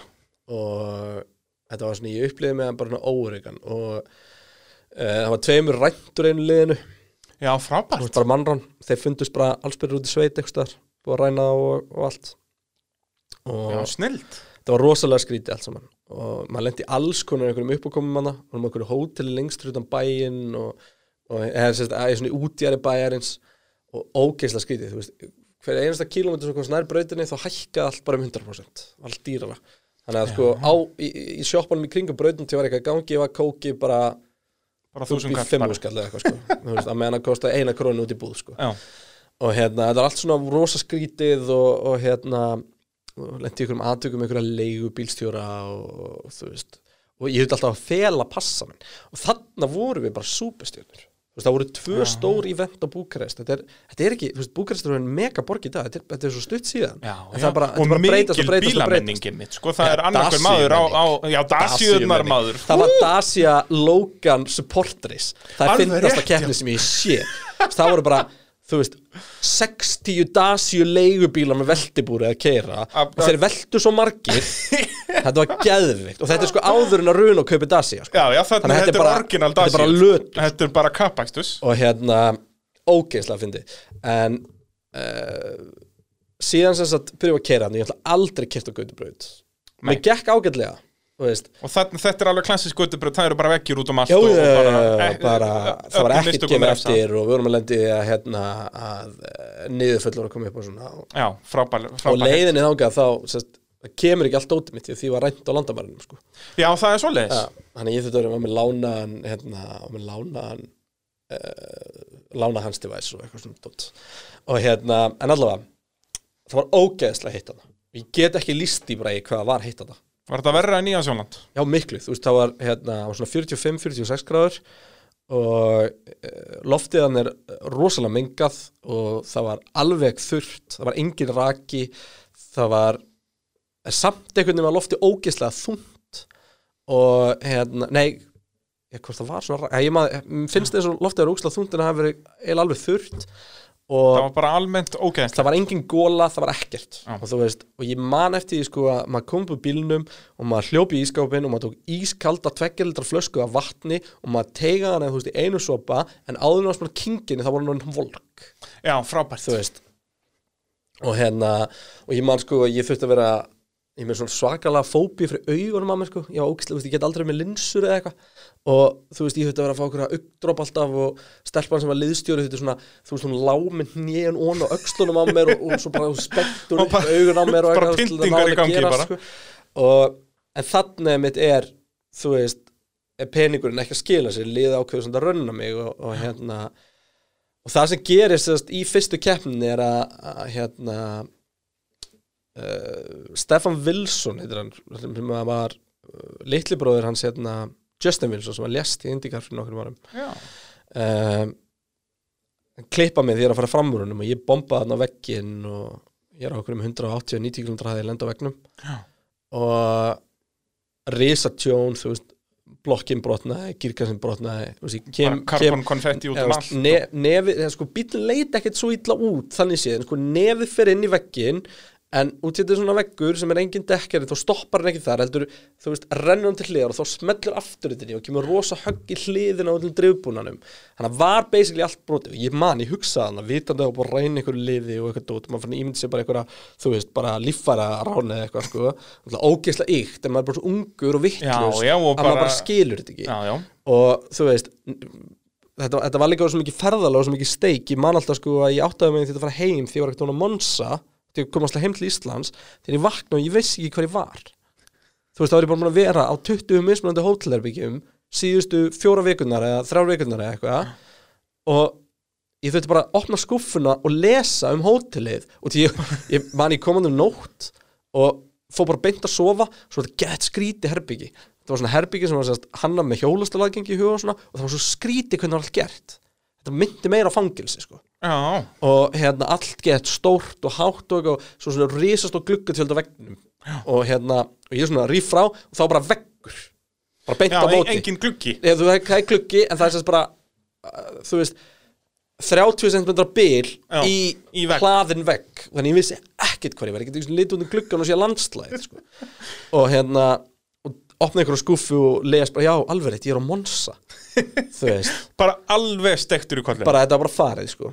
En hérna um, en þannig Búkarest þá sérst, uh, segi, það var bara svona bara svona almenn hræðsla, ég man Já. þegar ég ranka við mér eftir krassið að Hvað, mistur meðvutund eða? ég s- veit Svona, vast, það ekki svona alveg. að- aðeins Svona Það er svona dansaður taka nokkra sekundum og þú sérð, ef maður, þetta er á YouTube og maður sér svona, ég er farin að horfa svona í allar áttir eitthvað svona að reyna að átta með aðeins Já. stöðunni og þá var semst hægri hneskili minn ekki lengur á sínum stað Já, frábært. lamdist löppi minn upp í stýristöngina sem smalli hliðan á hnéskilinni og frá skíðunum er ég sem með svo kallar slitkikt í njánum sem að þú veist háði mér þannig sé ekkit í kapastri. Ég hérna, það var svona var erfitt að hlaupa langt og eitthvað svona dót en, en hérna, ég ætla bara vann markvist að styrkja það án þess að þingja með lapinnar Já, og hérna þannig að það var svona lust ég gat alltaf hriftana eins svona, og og, það actually bjargaðist og slitnaði ekki neitt eða brotnaði ekki neitt. Já, heldur bara, bara svona færðist úr stað. Já, og um, þannig að þannig að þarna þá sem sagt uh, man ég eftir að hafa fundið þá var ég lengi nýskil hérna með Já. hægri löpunni svo smallum bara tilbaka því ég stegi upp úr bílnum og ég man bara því ég hugsaði bara ég ætla ekki að sjúkra á sér rúminu ég ætla ekki að sjúkra á sér rúminu ég ætla ekki að sjúkra á sér rúminu og ég var svo fegin því að sko til þess að fá að halda þess að kemna voru eitthvað svona ekstra læknisgröður þannig að það var ekki sko Formule 1 læknatemið á brautinni. Já. Ég var svo fegin þegar kom ykkur þjóðverður og tókum upp á bíl Það voru ekki rúminar með AK-47 eitthvað. Dacia. Já, á að mót. Og hérna og það var alls konar svona þú veist og eftir á ég hefði ekki tekið þátt í þessari kemni ég vita og ég var mjög ég var svo reyður því ég heyrði þetta. Eins og frétti það eftir á að það er í Rúmeníu var á þessum tíma svo kallu holræðsaböld Já. og ég hef aldrei fengið meira áfall en þannig frétti að sem sagt Rúmenía í sviðsljósinu og eitthvað annars lít að sagt, öllum holræðsum var lokað þessa helgina. Það var bara svoðin först á svæðinu hvað þýðir það? þýðir það að það þú veist, þú veist þetta er svo mikið mannvóska og svo mikið viðbjöður Já, ég minna þarna getur, það, það var bara verið að drepa fólk til að ég veit hafa það þetta ekki, sjó ég skil það ekki ég veit ekki, þú veist, einhvers stað lítur að komast út eða eitthvað en þú veist, það, bara í fyrsta lagi sjokkið að fólk búi í holræsum, en það sem hefði gæst áranu undan var að þau höfðu komið upp um, um nætunar inn í patokkið og rænt ógislega miklu Já. og það átti ekki að gerast aftur greinilega. Þannig ég veit ekki hvort það var bara rétt þar í kring eða hvernig en þetta var ógeðsli tilhugsun. Og ég man ég var svo reyður því ég kom aftur heim og frétta af þessu að ég bara, ég veit ekki, mér er ekki dótt ég að fara að aftur allavega. Nei. en hérna, Já, þetta hefur nú skánað eitthvað þarna held ég en, vona en, það. Já, það, þetta er mjög svona frumstætt þarna og, og var það sérstaklega og fyrir svo, svo 12 ég segja, á þessum tíma sko maður þetta fela passan sinn þú veist, Já, það- mínum náttúrulega stóð bara driver og eitthvað svona út og, og hérna og við vonum bara einhverja rockstjörnur hana þú veist, ég var beðin, ég var tvisar sem með mig var hann að beðin um að taka, að giftast dóttur Það er svoleiðis? þetta var bara eitthvað svona rugg sko. og hérna og uh, við sem sagt uh, ef ég fór inn í leigubíl, ég gerði þau mistök einu sinni að fara inn í leigubíl og það sást driver. Það ætla alltaf helst leigubílstunum að sína mig hvað hann var í klár æ Þetta var hrikalegt sko. Tala að alltaf ekki spóla orði hringtorgum ennsku, og- enginn tala neitt skiluru og maður hefði enga tilfinningu fyrir gjaldmiðlum og eitthvað svona dót, þú veist, þetta var, þetta var allt skrítið Já. En Uh, þarna semst er stærsta krassi mitt fyrir og síðan sko. Já, taland um það, þá er ég, ég alltaf með, með, með spurningu í, í mótorvarpinu, stærsta krassið, við erum búin að fara yfir krassið og þetta er að búið í bílapunktsin, svo þetta ef að þú krassar þá skottast upp í bílapunkt og gerir við Ég hef bílinn. ekki verið lengi að laga hennan sko. Nei, Valdi hafði retta þessu, ég, gott ef hann er ekki með carbon fiber treppa bara á hendi, sko, en það er náttúrulega motorsports kalla, hann hafði rettað þessu nú leitnið og sprautað þetta og gert og græða, sko. Ekki að Ah. spurja að því. Það er, eitt enna þessum stórkostlu fyrirtækjum sem að hjálpar Já, heldur betur. Bílapunkturinn grófinni Reykjanesbæ ef að þú þart að uh, láta eitthvað gera við bílinn, hvað var þar útlitt, bílamálun, réttingar, framrúðuskipti eða hvað það heitir eða bara almennar bílaviðgerðir þá talar við hann valda í bílapunktunum og hann rettar þessu fyrir þig. Uh, þetta var stærsta krassi og þú keppir ekki daginn eftir, var það af líkamlegum ástæðum eða bara bílinn var ónýttur og það var ekki hægt að gera við hann? Það voru þrjár ástæður Ok, um, Það var í fyrsta lagi líkamlegar. Mm. Ég hefði getað örgulega komin í gegnum með svona hálfpartin banna á Ok. læknunum. Uh, Ég fekk heilarhisting og, og eitthvað svona. Já þetta var alveg bullandi högg. Ég veist, ég var næst í 200 km hraði, ég lendi head on á vegg. Með yngri, það er engin fjöðurinn í þessum vegg, þetta er bara Ég veit ekki, nei. eitthvað sáralítið, Þetta bara, þetta er bara nákvæmlega eins og Monaco Já, ég segi það, þetta var ekki svona einhver safety barrier. Og uh, þannig var líka allt í hennu komið tjón upp á 20 millun á bílinn. Já, og uh, ekki vita hver myndi borga fyrir það þannig að hérna, það var svona ímyndslít í þessu og, og þar endaði tímabilið mitt. Þarna endar þinn ferill með þessu liði eða það ekki? Jú, í raun og veru. Það er í vegg í Rúminni Já. og, og talandi um þetta, 10 miljóna tjón á bílnum, peningurinn þá þegar búinn og bullandi hrun í gangi og allt steik, hvernig endaði það? uh, Það græjaðist einhvern veginn endur bara, þú veist, eh, náttúrulega bílinn var að einhver leiti í kaskó, sko. Já, þú ert náttúrulega varst að tala um það áðan að þá, partur af budgetinu var tryggingar. Já, þannig að, en þú veist, sjálfsafbyrðin var samt held ég 150 pundi, nei, hund, ekki 100 pundi, 15 pundi eitthvað, sko. Já.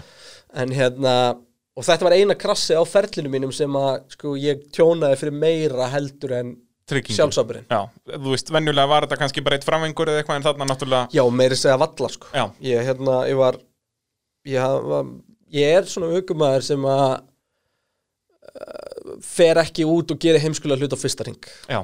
Ég er svona, meira svona build up to it. Akkúrat. því ég er ekkert að segja að það sé betra að verra sko. Nei, nei, bara þú ert þessi típa. Já, ég er þessi típa, ég er svona, ég tek mjög kalkuleraðar áhættur og hef alltaf verið og það er, mjög fyndið að rosa margir sem halda að maður sé eitthvað brjálaðar ofurhugi en það er svo langt í frá sko. Já, ég já. geti aldrei verið kóar ralli til mis ég er svo oftur, í bóðið það Já, það er alltaf eitthvað svona að skýta afsökun hjá mér ég vill ekki segja bara nei, mér langar Já, það ekki. Ég er bara fokking bílhrættur og það kemur ekki til Já, mála. ég bara, ég hata að vera farþið í bíl. Já, en þú veist, það eru mjög margir Ég veit okkur það, hefur þessi vídeo hérna þegar, þegar Fettil og Webber eru saman í bíl? Nei, Fettil og Coulthard, já, eru saman í bíl Það er bara með að finna það sem ég sé, sko. Já, já, og líka bara þegar að núna nýlega voru tveir Formule 1 okkur en hérna fyrir Alfa Romeo að gera það saman Já, já, já, og Giovinazzi er bara, bara með einum besta aukumanni allra tíma að deyja úr hæðislu Já, já, þú veist, það er bara, þetta mjög eðlilegt fyrir kappastasökum en að fíla ekki að vera í Ég fattaðasettinu hef setið í kappasbíl og ekki verið hrættur og það var út af því að þetta var svo klikkað ég vissi ekki hvað er að gera og ég var ekki tímillar hrættur og það var með hérna með Fredrik Aspo, heimsmyndstarinn með drifti á snjó á 1300 hestabla Alveg rétt. GT86 einhvers staðar í skói í Finnlandi. Þú veist, þetta var bara svo störlað og svo fáránlegt að það var ekki tímillar hrættur út. Ég, ég sá heldur ekki þetta um að fara því, ég var alltaf bara að horfa á skóin en við vorum að fara þangað Ég segja það, og allt hvít bara og bara háfaði og geggjað bara. Já, en þú veist, ég líði því við náttúrulega, við æfðum mikið saman á svona keiframs og eitthvað svona dóti. En það var allt öðru í sig, alveg strappaður inn og eitthvað svona dót, sko og þá vissi ég alveg hvað við vorum að gera. Já. þú veist, og þá var ég að kera og svo liðsfélagi minn og svo ég og svo liðsfélagi minn. Og það er svona eins og ég og þú, þú veist, þú er nýbúin að kaupa í kapparspíl og við fyrir saman að brauta Akkúrat. að æfa okkur, skilur við uh, Eftir þetta 2008 tímbil við, við skulum kannski taka okkur smá pásu fá okkur smá kaffi og, og, og fara við málinn og svo skulum við ræða já, þessi, þessa mánuði og ár eftir, kemur náttúrulega hrun og, og þá eru góður á dýr og allt þetta. Við skulum fara eins yfir þetta hér eftir örstuð því Það er mótorvarpi sem að hilsar eftir örstuðt podcastlið, Kristján Velskung og podcastlið Já, heldur betur Það er svolítið svo leiðis. Við erum að fara yfir magnaðan feril Kristjáns Einar Kristjánssonar og uh, erum komin til ársins 2008, lok árs 2008.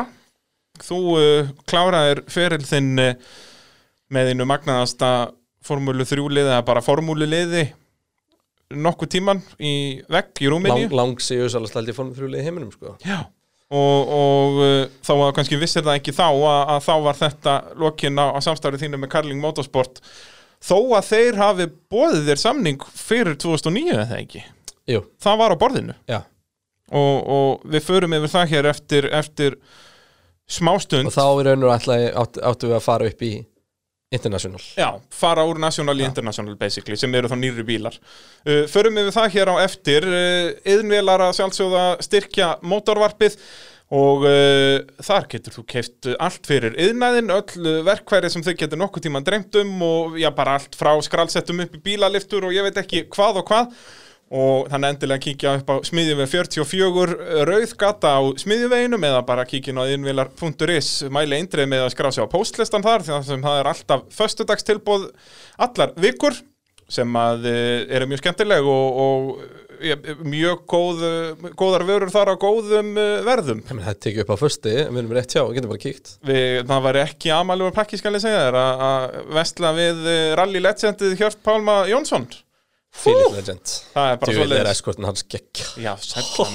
það við þurfum að fara að sjá meira á Er honum. er hann ekki að reyna að búa til Nissan 510 í honum? Jú, gott það ef ekki, það er pínu, svolítið- hann náttúrulega keft á þeim bíl hann, gæti ekki 97 fengið hann saman hvað hann við reynd Þannig að hann fór í next best thing já, bara. það. Það er svo leiðis Og talandi um verkværi, þá langar mér að spyrja þau um bestu servisöguna. Því að þú ert náttúrulega að vinna, við vorum að tala um þetta Þetta er, þú veist, 40 manna krú í, með mörgum trukkum á, á brautarstað og, og allt þetta Allt sem er gert í bílnum er búið að æfa 150 sinnum í, í Já. gegnum 15 ár, skiluru Já.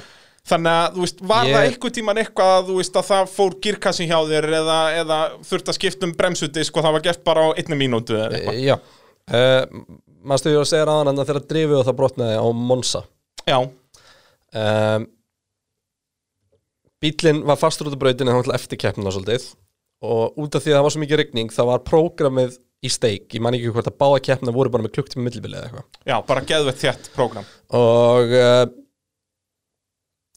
ég, bílinn kemur tilbaka og ég, þú veist, við erum ekkert að fara að ná næstu keppni. Jú, þetta er ekki mál ok, Já, bara ekki, ekki deinu sinni stress, bara, já, ég blessa það verðt og ég fer og ég man eitthvað fór ég bara eitthvað, þú veist stökk bara að pissa eitthvað og ná mér í vatn og ég kom tilbaka og þá kom nýr veist, ég held að veri innan við tímyndir sko, eða 12 mínútur, skipta um ekki gírkassa. korter eða eitthvað, skjá, kristin gírkassa og dreif Já, og við erum bara rætti ekki málið. Þannig að hérna, Og eins og segir, sko, þú hérna alveg, heyrðu, við erum ekkert að fara að ná þessu og þeir lifti ekki einu svona öxlum, bara, jú, bara ekkert mál. Já. Þetta er bara, þetta er bara Lego. Já, já, og þarna bolt on, einmitt bolt off. kemur þetta inn að þú varst að keppa með stærsta liðinu og þeir hafa allir gert þetta 150 Já, þeir æfa sinnum bara, þetta. Já, ég segi það, þetta er gert bara á og bílinn er tekin í frumyndir eftir hver einstu keppni. Já, þar sem allir eru á inniskonum bara í, á rannsóknarstofinu hann sem við töluðum um áðan sko, að að þeir eru allir búin að gera þetta þekki alla bolta og allir hafa sínt hlutverk Já. og þetta bara gerist. Já og sko teimin voru fljótandi þannig að sko ef að ég var ef, þú veist, hver einastu bíl var með sagt A-mekanik og B-mekanik svo voru þrýr fljótandi sem fór á milli. Og þeir sagt, hann ef það var ef það varði einhvers konar tjón eða eitthvað álíka þá tók A-mekanikin stjórnina B-mekanikin, þú veist, og það var svona bara listi, þú veist, ef það er bara, ef það er að skipta um gírkassa þá er þetta, þetta og þetta jobbið þitt þá er þetta, þetta og þetta jobbið þitt. En það sem var síðan ofan á það var að um, bílinni voru alltaf til lungu fyrir keppni og allt klárt. Og sem sagt, nema náttúrulega, það var ekki þannig að all liði fór að hjálpa einu bíl og svo glemdist bara hvernig hann var með hann sko. A-mekanikin bara alltaf ábyrð á því að bílinn var heitur réttum tíma, hann þarf að hann þarf að hit forhita hann og, og, og, og, lá- láta öll, hann er upp á búkum og láta hjólinn snúast og svona og alls konar. Og hérna, og þú veist, A-mekanikin ber ábyrð á viktin á bílinnum og það er svona ímislegt og mm -hmm. bílinn er viktar eftir hvert einasta veist, það er bara jakkin sem hún kerir upp á áður en hann fór upp á búka eða svona portable liftu Já. það er vikt, þannig að hann bara alltaf viktaði með þér í honum eftir einu störun og hérna, og allt bensin tekið á honum og mælt nákvæmlega hvað mikið mörg kíló af því og eitthvað svona dót. En hérna, en síðan sem sagt er þetta þannig að númer tvö mekanikarnir frá öllum hinum bílunum joina inn og eiga þá sín hlutverk líka. Já, þannig að hérna þannig að þú veist eins og þarna var sennilega áttamanna teimi að skipta um girkassa minn sko. Og hérna þetta er ótrúlega flott flæði og operation þegar þetta gerist já, ég get trúið því. Að að hafa fólk sem er vant þessu í, öllum, öllum stöðum að Já. þá gerist þetta bara eins og klokkverk uh, Hausti 2008 Já, eins og segir aðan sko það lág samningur á borðinu fyrir næst tími Já, það Ég var missi allt af bara- Donington keppni og Henry Sörtis vinnu minn emitt keiri bíli minn í þeirri keppni. Um, En Þannig er náttúrulega ISF komið bara í fullsving Þú talaður um áðan að þú hafðir einhverja sögu Já, kringum það. með iSafe Jésús, uh, það er einn spónstíl sem að mér, ég skildi aldrei okkur fór ekki gegn sem að ég er svo þakkláttur fyrir þetta að hafa ekki gert það en sem sagt, það var lítið útibú landsbankars í Englandi sem að ætlaði að merkja, kaupa alla merkjagarnar á bílum minn þegar voru, við voru í breldi og ég var að fara að keppa í breldi og ég er svo þakkláttur fyrir það í dag að það er kaffibólli en ekki kappastuspíl með Kristján Einar í sem er myndin á bak við alla hrunfréttir. Hafði bílinn þá þinn verið mertur ISF? hann hefur verið ISF bílinn Það hafði ekki, ekki þú, þá hafður bara lent í alvöru vesenni sko. 100% En það er náttúrulega Þú ert þarna í, í Bretlandi og, og sérst ert með þennan samning hjá Karlinn að keppa næsta ár í, í Formula 3 í Já, Bretlandi og sko, við slum tala um það, sko, samningurum minn fyrir 2008 eins og ég sagði hann, þetta var held ég eitthvað 30 og eitthvað miljónir sem hann kostaði Mhm. bara hrunu og búið að gera hann að sko 70 miljónum Já, já, út að bara pundið var komið upp í 250 kall sko. og hérna og, og næsta tímabil hefði verið dýrar og tíma var að fara í sérst, upp um flokk og, já, og, og hérna og þannig og þá hefði þetta verið að borga með vindgöngunum og, og slíkt. Þannig að hérna og, og við erum bara svo fólk átt sér á peningum í þessu, við erum að tala um þetta en liði var samt með sponsor á alla bíluna Já, þú veist, þú var varst bara að með- borga brota Já, brota af þessu. nei, ekki brota brot Nei, nei, kannski, en, hvað, meir en 50% veit það ekki alveg. Nei. En þú veist, við erum að tala um að þú veist Adidas var sponsor hjá okkur og Red Bull var sponsor úr liðið Mm. og fullt af öðrum svona international Brembo og alls konar sem ég fyndi því ég valdi alltaf AP það betri, Já. henduði mjög betur og hérna, það var eitt af svona fáa sem við máttur alveg bara velja, nákvæmlega, þú veist, þú gastur með AP, þú gastur með Brembo, þú gastur með nokkri viðbót, ég prófaði allt en bara AP hendaði mínu stíl Mhm.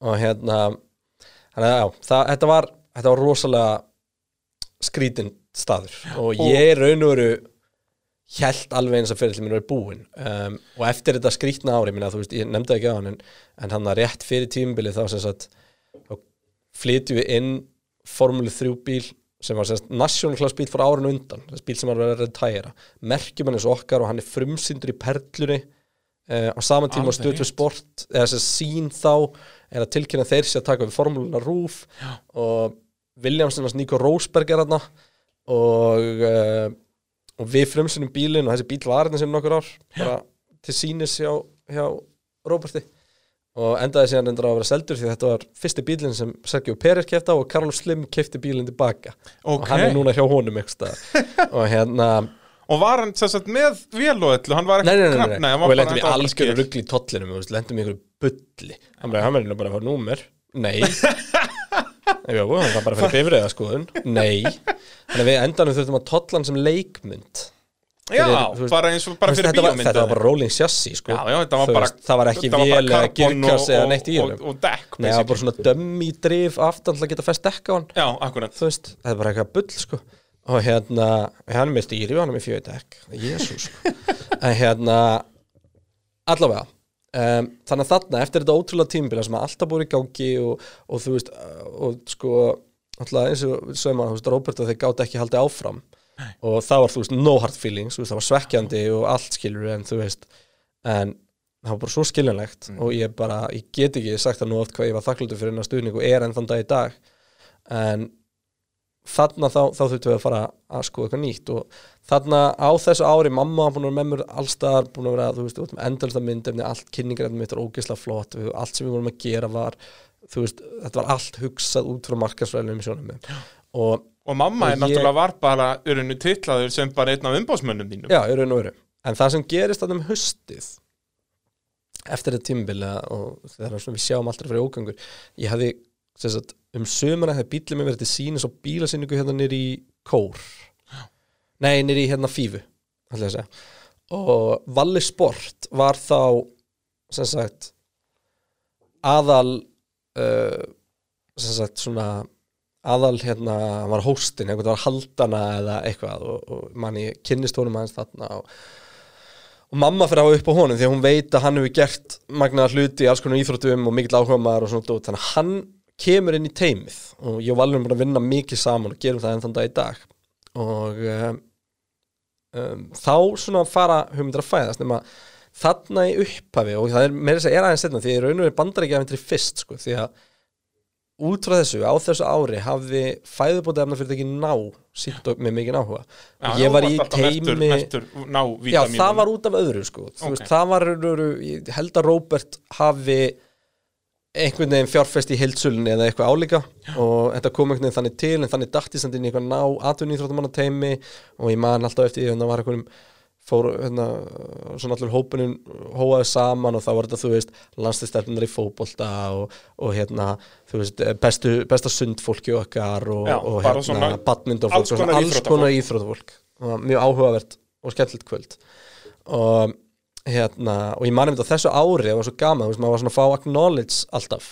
Og hérna það var svo fyndið, ég fekk svona acknowledgement einhvern veginn eiginlega allstaðar held fyrir utan hérna fyrir utan í mótsportheiminum þú veist, ég var tilnendu sem íþróttamæður hérna, Garðabæjar og þú veist, á svona shortlistum út um allt, en svo var ég ekki tilnæmdur sem, þú veist, í akstursíðardamaður ársins, ásins, sko, já. og eitthvað svona dót og ég var síðan á endanum tilnæmdur eitthvað, þetta er Já, eitthvað það er bara eins og allir hefur glimt því og svo, hæ, ég býð að vera Já, ég var þetta einhvern veginn þannig að sko aðildafélagi þarf að Jú, klubbarnir Já. rauninni verða tilnefna og, og BQR bara eitthvað því já, eitthvað, þeir voru bara eitthvað. horfa á rally eða eitthvað Já, væntanlega sko og hérna og,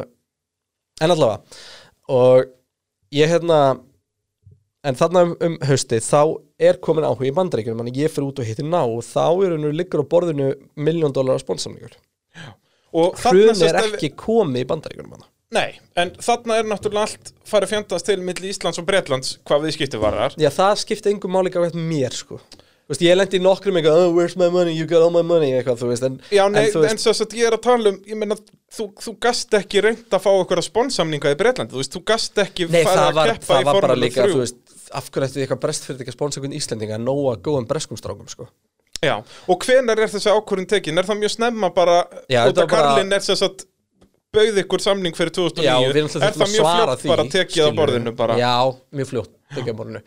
Þannig að þá kemur opnast fyrir þetta Ameríkudæmi Já, það var svona hugmynd sem hún búin með í kollinum að sko kannski ætti sagan mín og það meiri business sense í bandaríkjum því að þarna komum við inn á, ég byrja að vinna með ná og ég er, þú veist um, eins og ég lísti á þann, þú veist, bara úlningur í, í mikill yfirþyngd og erfiðum stað og eitthvað þannig sem allt í einu snýr lífunu við og er eitthvað, þú veist, þetta er bara svona ópröldsaga ef maður hefði náð The. Icelander. The Icelander. Það er veistu hvað gerist á það ferðin á heimasíðuna þína í dag? Hvað? TheIcelander.com var síðan sem þú notaði til að Já. markasetja þig. Það er fisk, fiskbúð í Dortmund. Já, Það er- við þurfum að heimsækja einhvern Já, ég held það, við þurfum að kíkja á The Icelander. Já. Sem var bæðið við skrifa á hjálminn á þeir allan þinn feril en er Ah. núna fiskbúð í Dortmund Já. sem ég finnst ásamlegt. Já, mér finnst það mjög skemmtilegt. En hérna Þannig að ná vítaminin það er svona þitt inn þarna. Ég fer út til þeirra og var búin að vekja aðtekli því að þessi árangur vakti aðtekli og opnaði dyr alls staðar. Og á þessum tímabóti þá er ég meiri sem að byrja að horfa í áttina sportbílikapistur Luman en, en sem sagt í bandaríkjunum á tímanum var mótorið sem var svolítið öflurinn formule 3 uh, en samt ekki alveg GP2 Nei, og hétt Þetta- Champ Car Atlantics. Og Já. þá var, þetta er þegar sko Champ Car og IndyCar er ekki sami hluturinn. Nei. Þa, Þarna er unni indikar búið að splittast er það ekki? Þannig er IndyCar bara óval og Champcar er bara gutubrautir eða hérna bara fyrir ekki road courses eins og þeir kalla Já. bara kapparsbrautir og gutubrautir og við förum eitthvað svona á stúana sem að verður til þess að ég fæ bóð um að testa fyrir lið sem heitir Newman Wax Racing. Já. og uh, gott Sem er- þeir voru ekki búin að hafa samband og sem eru mikið legend. Paul Newman og Paul Eddie Newman er alltaf bara Newmans own Paul Newman, leikarinn. Já, og Eddie Wax er eh, besti vinnur hans, eða var. Og þetta er um það leiti sem að Paul Newman deyr.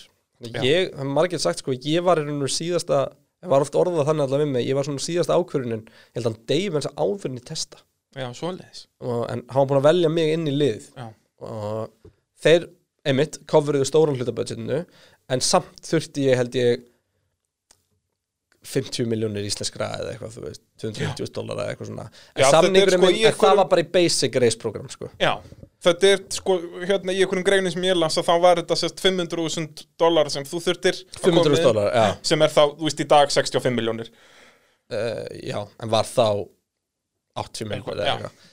Og hérna, þannig við vissum að það var vonlist ég var enda að koma með undanþáu fyrir gjaldreisflutning uh, í ljósi aðstæðna. Já, en ég þá þetta að skila sko skýslu með að fóra ykkur peningur í Íslandi og kanni og það, að það er ennur kikkað enn setna með þess að því að, uh, já, að kikka með þess enn setna en hérna en um, þannig að við erum hann úti og þetta lítur allt vel út en maður þarf aldrei að skrifa undir vinna. Og þar lendi aldrei að skrifa undir við Newman Vax. Og en ég fer samt í testið. Og ég fer að testa hann á Sebring. Og ég rokkaði það test. Alveg bara, ég bara sagt það og mér er bara instantly búðin samningur. Og Já, þá ok. fyrir við aftur til ná og þá er salan bara búin að hrinja hjá þeim. Já, þannig að þeir heldu í raun og verið að þau heldu að efnaðarsástandi myndi ekki ná þeim og voru búin að sjá fyrir sem mjög spennandi markstæk verið þarna. En þarna var það byrjað að hafa áhrif þannig að þau bara púluð út. Og ég er búin að fara að nú testa nýra Sebring og uh, búin að sigra heiminn í þessu testi og bara allt lítur vel út. Já, og allt í henni bara þessi bandaríkjadrömmur upp upp í veður og vind. Þannig að við förum að gera eitthvað svona sniðut og förum að púla inn gamlar tengingar sem endar á því ég hef myndi verið að funda með alveg fáralegu sko, auglýsingastofum og eitthvað svona dóti sem voru bara, þú veist, með Nike og Apple og eitthvað svona dót sko. Og hérna, þau eru inn og þannig bara verið að skrifa greinar um þig bara og, og verið að gera eitthvað svona support Já, í síður og, já, og, ég sérst kemst inn hjá Jalopnik. Já, alveg rétt. Og Jalopnik var á þessum tíma svona svona forverið, það var hétt hérna Gizmodo minni með Media og voru með alls konar, með alls konar svona tæknisýr og allir hugsaði sem hlusta á þetta að lesa greinar þarna. Þeir eru svona fyrstu svona geðveikt stóru blogg fréttasíðunar sem er eiginlega blogg en eru samt alveg proper fjölmiðl og hérna og eru með mikið uh, bílastöf og, Já, og og, þar er sér síða sem heitir Jalopnik, það voru svona margar síður inn í þessum hatti. Mhm. og hérna, og þar eru tveir aðal blaðamenni sem pikka mig upp og hérna og fá með sér hérna Garage 419 eða eitthvað sem var stærsta bíla YouTube í bandaríkjunum á þeim tímum og eitthvað. Og við finnum saman að leika okkur eitthvað að reyna að finna spóns og þú veist, þetta actually var það mikið þetta endaði í Vanity Fair akkurat, það greina ég vanið í fer um. Christian Einer um samkynniða bílakolumið. Bara bing bara boom. Það er hérna, mjög áhugavert sem, að, sem var mjög skrítið því í staðin endaði ég inn á alls konar spjallborðum sem sagt, sem einhver- samkynniðra já, kallmanna svona gay hero eitthvað. Já, eitthvað svona, þú veist, hann má allavega gista ef mér ef hann er í veist, sko, þetta var mjög áhugavert, sko, og, og svona, á þeim aldrei var ég ekki alveg viss hvort ég ætla að vera upp með mér eða, eða hvað, sko, en hvað, hérna, en þú tekur þessu miklu hrósi í dag algjörlega, Það og er þetta hérna- var, þetta var algjör störtlun, ég meina, gæinn tekur láflug og snertilending og engaþóttinu sinni á braudinni þegar ég er þar og, þú veist, þetta er gaur sem kæðast upp með sem þetta, Já. Walks áell kjarnorku verið í bandaríkjunum, já, sem að ríkið sem hann leir á segi það, það, er, er eitthvað til. Þetta er eitthvað svona og, og hann er svona þegar mætir hann á brautinu að hérna kona kom með mér en ég veit að taka þvotinu okkar en ekki bara mína. Og ég hefur eitthvað maður sér nöttin kringlótar? Nei, við gerum það í sumar. Já, hjólum Þú við það. Það er bara eitthvað svona störtlun bara, þetta var ekki þvota, í, þetta var gameskip. Já, bara hvar í anskotanum er ég? Já, og hérna Sér kom aldrei að því, en það er ekkert viss hvort ég myndi fara með áttræðum flugmanni út í game en Nei. það er rauninu satt og líka út því að hann er viss sko, hann var orðstuð flugmaður og eitthvað svona dót sko og hérna hann fyrir svo hratt niður að tekur fólk svona þrjá mánuð að losna við hellunar. Já, akkurat og bara því annarkvæmlega hann finnur ekki fyrir, já, því hann finnur ekki fyrir þessu leik, sko. þölvanur en, það sem sagt, en þetta gekk samt ekki eftir allt. Nei, og þetta því miður gekk ekki. Og á tímambilinu voru fleiri liði búin að vera að hafa samband mig og vilja fá mig og uh, við völdum liði sem heit Vestek til þess að taka svona næstu skrifa með. Þá var ég komin alveg í hinn endan með Karlin það var bara jafn ódýrt og hægt var Já, þetta er svona með, með bara lélegri liðum í, í Formula 3 þeir voru alls ekki liðlið og þeir vinna alveg. Þeir voru að keppa í Europamestaramótinu og hérna og höfðu alveg náð árangri Já, en voru ekki svona þetta var alveg step down. Ég, þú veist, þegar ég labbaði inn í skurðin og Karlin þá horfðu hinn í strákarnir á brautina og langaði til að vera þar. Já, þetta var ekki alveg sáfílingur og hérna en Og þarna, þarna- þurftum við að Já, og uh, það reyndist erfitt. Og núna var ég aftur komin í það að þurfa að fara fjármagnum í Íslandi og þar kemur um valli inn. Ok. Og við náðum að skrapa saman pening voru aðlar eins og Lárus Ísveldvinum minn og, og, og fleiri sem að, sem að chipuð inn og, og hjálpuðu mér að komast að stað en síðan í raun og veru verður þetta alltaf erfið og erfiðara og En ég minn, hvað við að tala um mikið pening hvernig? Er þetta aftur eitthvað 30 miljónir? ég er ekki alveg viss ég bara manna ekki alveg viss alveg. En ég meina, hvort er þetta 2 miljónir eða 20 miljónir? Þetta er ekki 2 miljonir allavega en Þetta er þurfti y- yfir 10 allavega. Já. Þú veist, Þetta er náttúrulega, eins og segi Bara þessi samningur er lang, lang, lang stæsti motorsportsamningur sem hefur verið gerður Þó að hann hafi verið mikið stærri ári áður, skilur já. Það þú veist já menn, Þetta er alveg, alveg magna stæsti samningur, neða sko þessi samningur varð aldrei stór, neða þessi samningur var aldrei stór og hinn sko. Nei, ég segi það, það 2008 samningurinn Já. var svo stæsti en þetta er næst stæsti skilur að þú ert, þú ert tvo langstæstu motorsportsamninga sem gerðir hafa verið á Íslandi. Og, og þetta tímabil einkendist því ég var að missa keppnum út í ég var ekki með budget og, og annars slíkt sko. Þannig að hérna og, og e engar æfingar, ég mætti bara í fyrstu keppni hafði aldrei kert bílinn já. og hérna og eins bíll og ég var að keyra árinu undan. Já, já, og þannig ertu að keppa þess að í evrósku formúlu 3 mótoriðinni sem var í rauninni bara ný stopnu þarna en það ekki, þetta var gert í rauninu upp úr spænsku mótaröðinni í raun og veru. Og í Þannig að öll liðin að neyru spænsk. Þetta var eina breska liðið, það var liðið sem þú veist í. Ég man það ekki, ég man að Campos voru mastur sem að koma síðan inn sem HRT í formúluna. Já, Hispania Racing eitthvað. Akkurat það, Og það er svo var- stannig, svona þeir voru eina, eina breska lið, það Já, var eitt ítalslið og svo var þetta allt spænsk já, já, já. og hérna, en það er veist, það er algengt að þannig kjarni myndist utanum eitthvað svona og hérna og náttúrulega flest allar keppnar hann voru á Spáni. Nú var þetta búið að snúast við, þarna varst ekki mest allt á Breitlandi heldur, þarna var af þess á Spáni. Já, ég held ég hef kæft þrjár keppnir á nei, ég kæfti bara tvær keppnir á Spáni. Og svo var þú veist hvað, Valencia og Katalónia já, og svo var það var þetta Spa, Donington, Magnicur og Monza. Akkurat og hérna og uh, mætaðan til Valencia og þetta er sérst þarna Ricardo Tormo brautin, þetta er ekki götubrautin sem var kæft á í, í Formule 1, þetta er, þetta er MotoGP brautin og, og þú veist, það er bara svona komast að öllu. Og svo bara strax keppnin með tvö engin peningu til. Já, svo leis, Já. kláraðir all, all, allt budgetið í fyrstu keppni. Bara koma okkur á stað og þarna var ég bara á race by race dæmi, því ég þurfti bara og þetta þýtti það, og menna hinn voru að æfa þetta ég kom heim til Íslands að, að selja spons. Já. og um, og þarna, Þarna- náttúrulega ertu ekki búsettur elendi þarna ertu bara heima og ert bara í FG að reyna að vera úlingur á sama tíma. Já, ég var endar hættur FG hana held ég, nú já, já, eða var ég FG hana, ég held það. Getur verið. Jú, ég var ekki FG hana Þú uh, veist, hversu steikt er það að vera bara í FG og það síðan hjálpaði ekki náminu mínu að ætla að verða formúlugur nei, ég það var trúið því. ákveðin var ekki þar. Nei, mér varst það rosalega tilgangslust að mæta í næsta í, í starffræði tíma og, og Já, ég er enda starffræði og eðlisfræði mega essens fyrir mér. Já, Ég En- þurfti hana. Ég þurfti Já, að já, skilja þingdalögumáli í bílnum mínum. Já, En starfsending, nei. Nei. Eða saga. Já, bara glemt við Þannig að hérna, þetta, já, þetta var skrítin tími og, og hérna og hann um þetta leiti þá kynnist ég konu minni sem ég á í dag og, og hérna og uh, þú veist, svona lífi fer svolítið að breytast uh, þú veist að mörgu leiti fer það bara svona þroskast? Já, í raun og veru. Enda hvað ertu þarna, 19, 20 í 19, þannig. Og uh, síðan sem sagt nei, ég er tvítugur. Þetta er 2009 já, ég verð tvítug 2009 Já. þannig að hérna, já um, þannig að ert að keppa með Team West Tech? Einmitt, alltaf að fljúa út? Alltaf að fljúa út og á mismunandi staði og engar æfingar, ég tók held ég aldrei test með hérna enda var bara ekki budget í það. Það ekki betur, já. En hvernig er það? Veist, þarna er fyrsta keppnin búin klárar einhverjar 10 miljónir eða hvað það er bara í þessar einu keppni.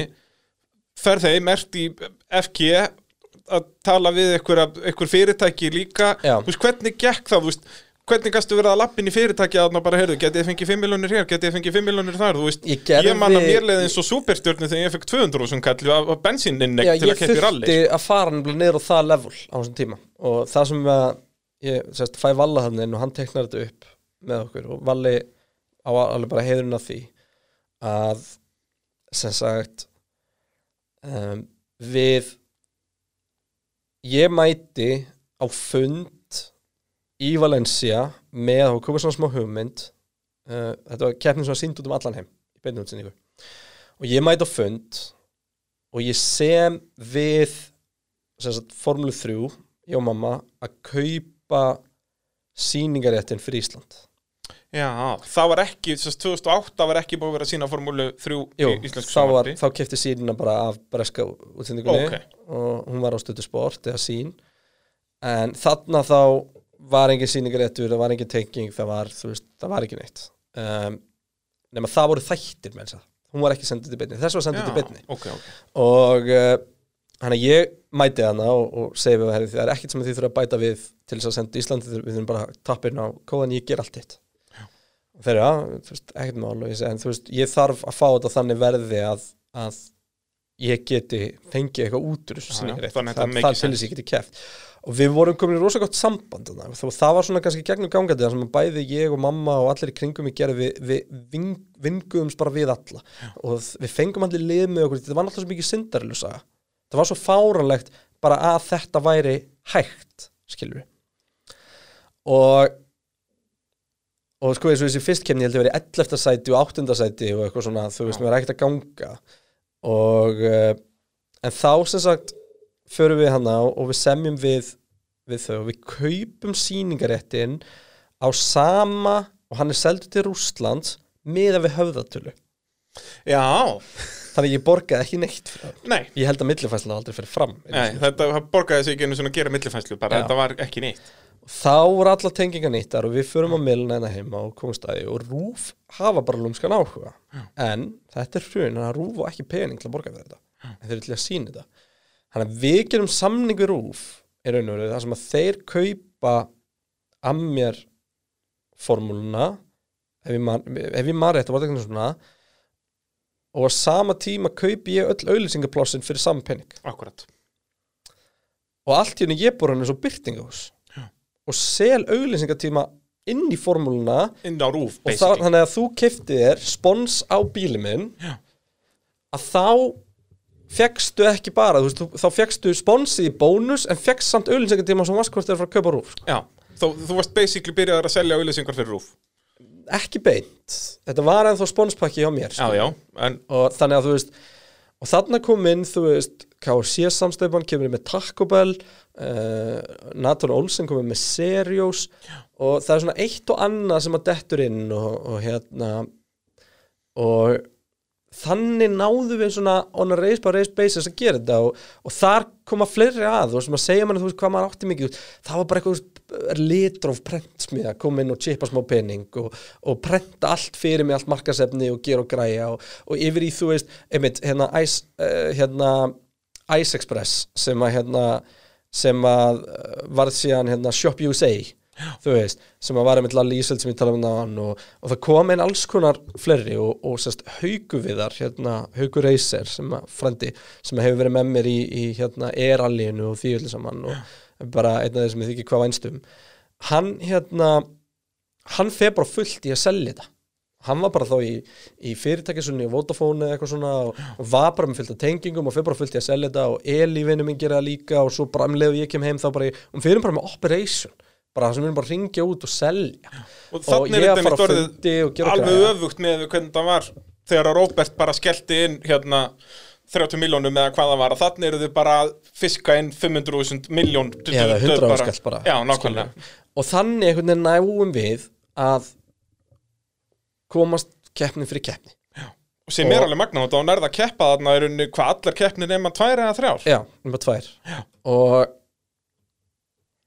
og keppti alla flottu Já. og, og þá er komið að þessu að, að sem sagt Formúla 3 fyrir sjónvarp og þarna, það eru nokkrin alveg glataðir hluti sem gerast þarna fyrir það að hérna fyrsta helgin er spa og það er búið auðlýsa allt og Valli og Guðni Þorbjörns taka að sér að búa bara til íslenska mótsportætti Akkurat. í beinni útsendingu á rúf og fara að lýsa hana og vitir raunverð ekkert og aldrei séð svona keppni eða neitt og, Og þekki ekki þekki ekki og- og, vita ekkert hversu mikið ég sést og svo er ekkert live timing og bla bla bla.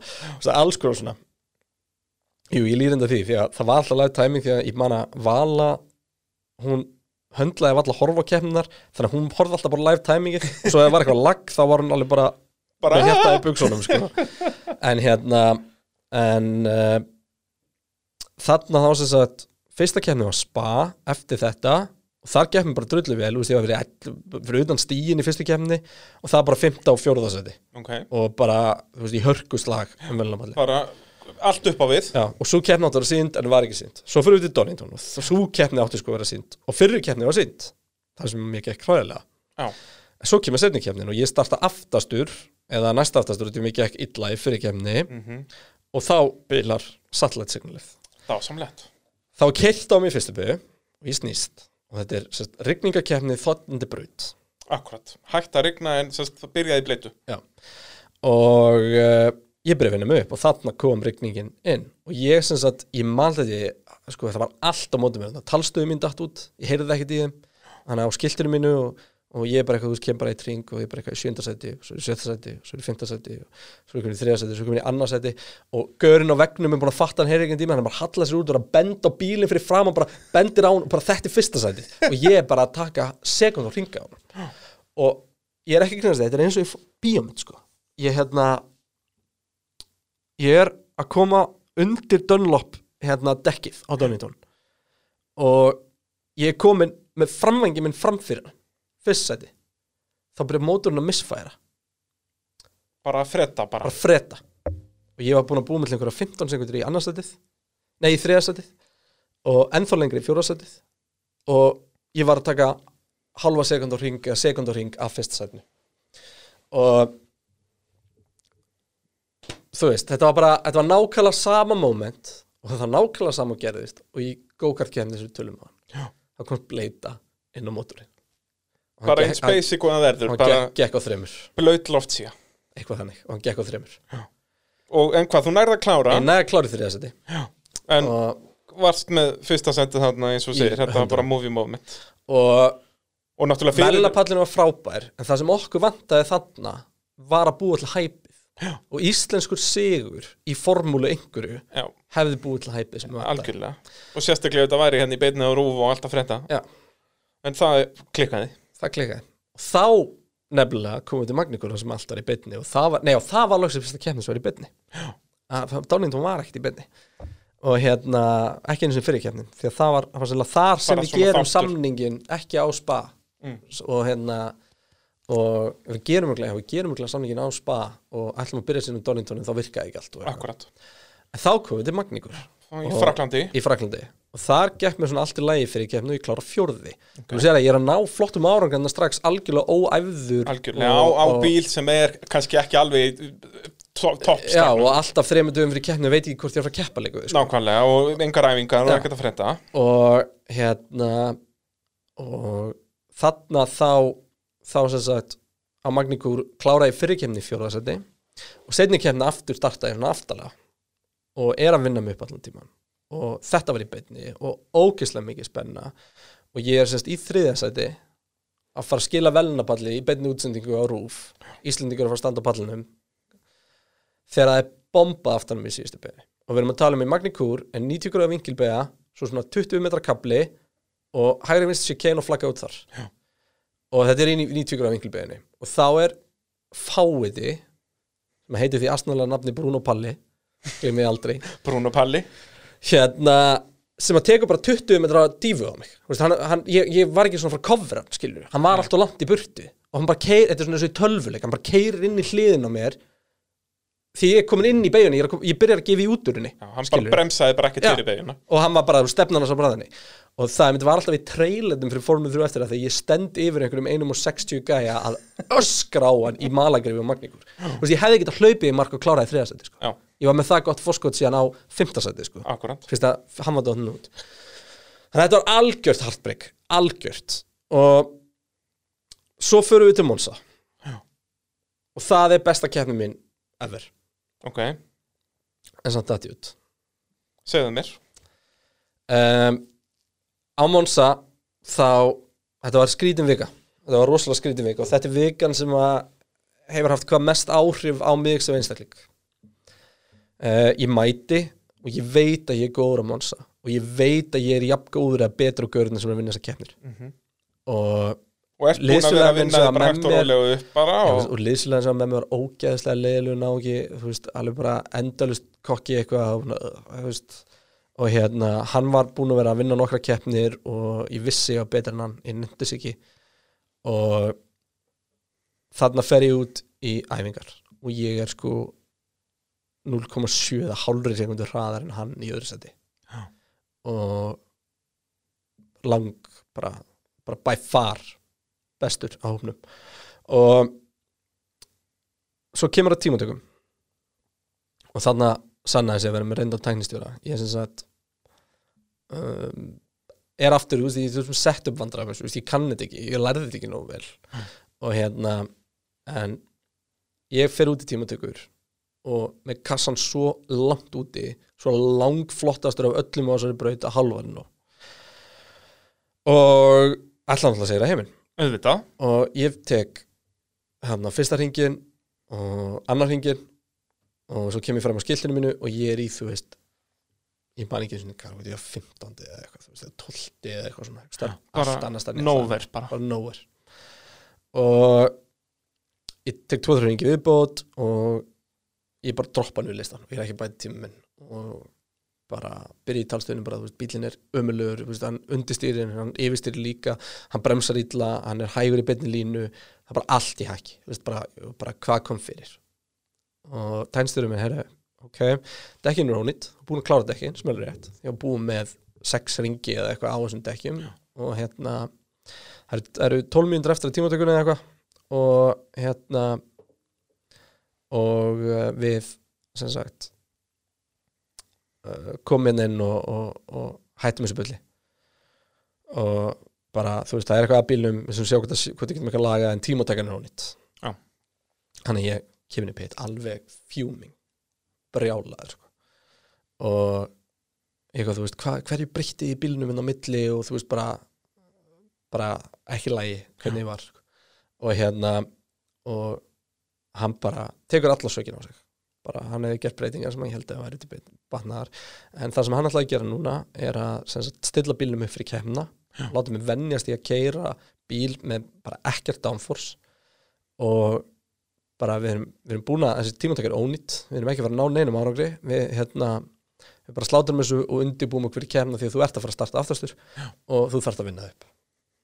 Og ég hérna, bílinn tekin í spað allt af og ég hérna fjúmingin í pitt brjálaður út í þetta fíbl sem var búið að fokki bílnum mínum hann á milli og hérna Brjálaður út í þitt eigi lið. Já, og hérna og uh, byrja að, og fyrir síðan aftur út og kerja hann einu sinni fram hjá pittinum, kemur svo aftur og það var algjört reyti og sælins í talstöðinni.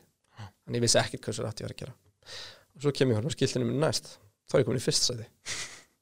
Á ónundum dekkim Já. komin á pól. Og sér enda ég held ég 0,002 frá pól sem er, þú veist, dekki minn hefur gefið mér hálfa sekundur sko. Þannig að bara, og ég kem inn í pitt og ég bara, hvað, bílinn var allt öðru í sig, hvað hva gerður hva, hverju fokkuðu svona mikið upp á hann?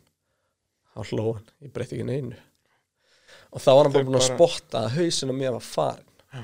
og þannig var hann bara ungu gaur fullin aðdurninni og sjálfströsti og það gat ekki verið að ég var að klika. Nei Kappastusökuminn ger ekki mistök. Það. Það er bara svo leiðis og Þannig að Þannig hann rauninni setti bara upp þennan leikþátt bara að þeir spöðuðu bílinn. Hann bara núlstilla mig. Já.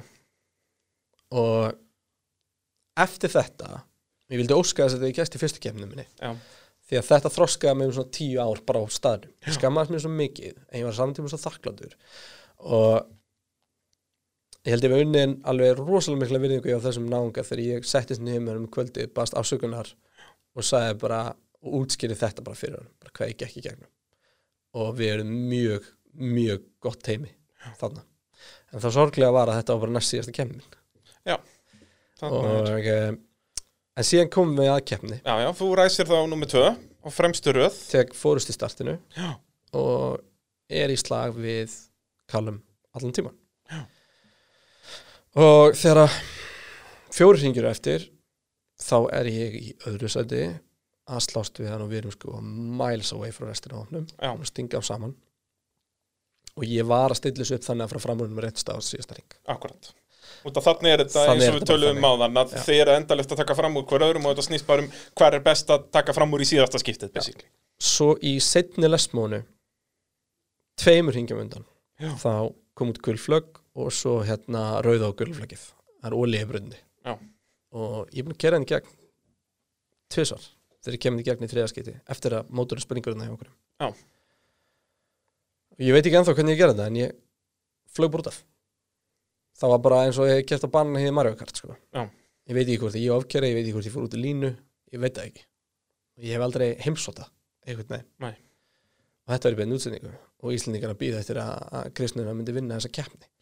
Og búið til hæpið og ég seti hann bara í malegriðinni bara brotin. Gjössamlega brotin. Og um, bara já þú veist, þetta er svona sem betur fyrir þekkti fólki mitt mig því hann er svo að senda út björgunarsveit því ég skilaði mér ekki aftur inn í pitt fyrir einhverjum tveimur að þreimur klukktíma senna sko.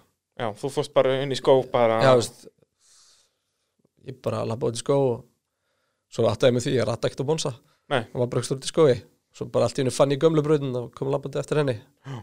svo hann er alveg þetta er enda svæðið sem að ralli fór fram á. Já, já, það er, það er endalaust af vegum og, og viðbjóðu þarna inn í brautinni, sko. og átti bara langan fund með sjálfum með náðaminu í jörðina og, og mætti svo bara aftur morgunin eftir og, og kerði og það var erfitt, það var þess bara ein tíma að taka hana þannig að ég startaði aftastur fyrst þetta aftur út í fyrri.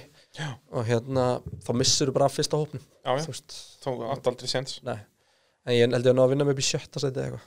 Og hérna, En ég minn þarna var í rauninni stóra breykið átt að vera þarna, Íslendingur að vinna og, og þá hefði jafnvel verið hægt að reyna að smala inn einhverjum penning fyrir 2010 og, Já. en út af þessu að þá öndar á að keppa bara eina keppni 2010. já og næ ekki að keira neitt næ, næ ekki að eiga séns daginn eftir heldur Nei, sko Ég segi það, það hérna- og eins og segir og þetta var þá næst síðasta keppnin með þessu liði, síðasta keppnin var hann 2010 eða ekki. Já, ég er þetta kefti í Katalóni eftir þetta Alveg rétt, já, hérna- Formule 1 á. Formule 1 breytinni gekk bara svona allt í lagi þar. Já.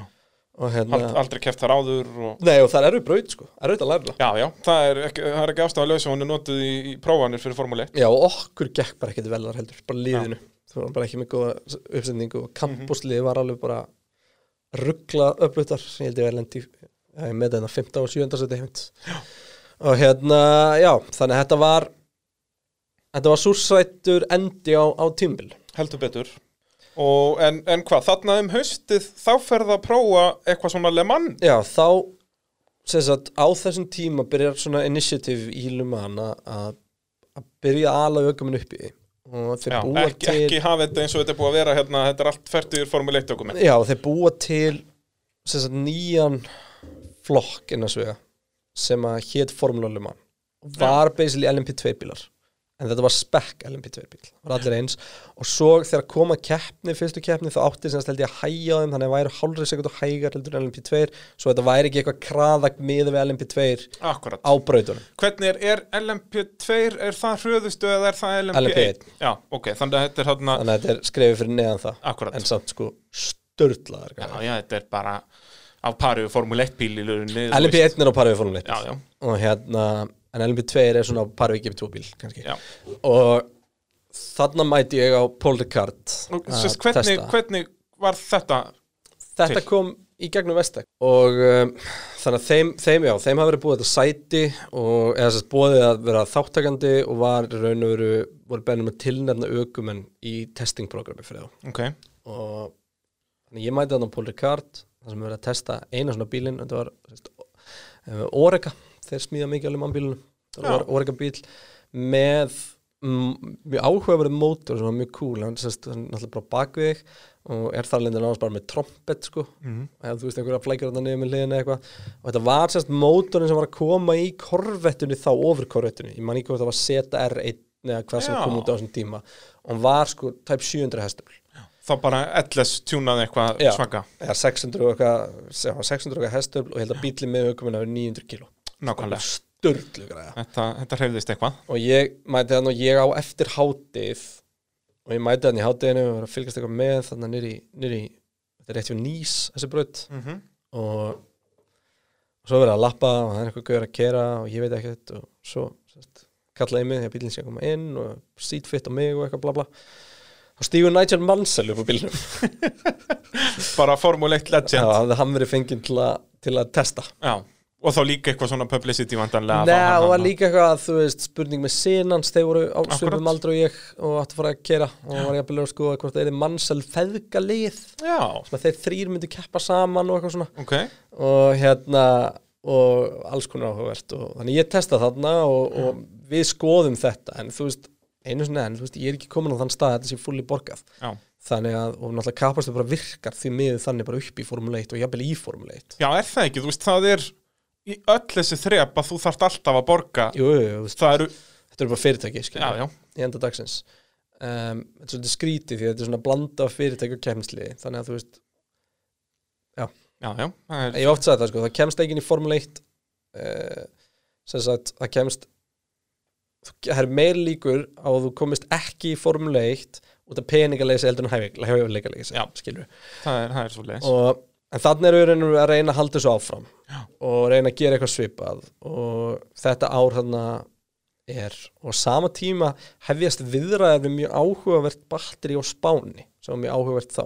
Ok, og ég sérst fer og keppi þessari einu keppni og sama tíma og ég sæna hjá því entity fyrir árið eftir Sest keppir í þessari hérna, keppni á Katalúnin 2009, ertu að tala um það? Eða Nei, að tala ég, um held- Spa ég er komin 2010? 2010 sko. Ok. það er eina keppni sem ég keppi Já, það tímabilið Formúla, Formúla 3 ég hérna. man ekki svona hvernig það var sko, því miður ég, alltaf, ég fór ekki þá, veist, fór bara óæfður og allt Já. skilur Bara og ennþá hérna- að reyna í rauninni, bara það verður ekkert annað í stöðinni Já. að- að- og svo fólk að segja það er engar takmarkanir á æfingar veist, þannig að Þannig að ríku krakkarnir geta verið dag já, Max Chilton æfði bara í hverjumstu viku Já, já.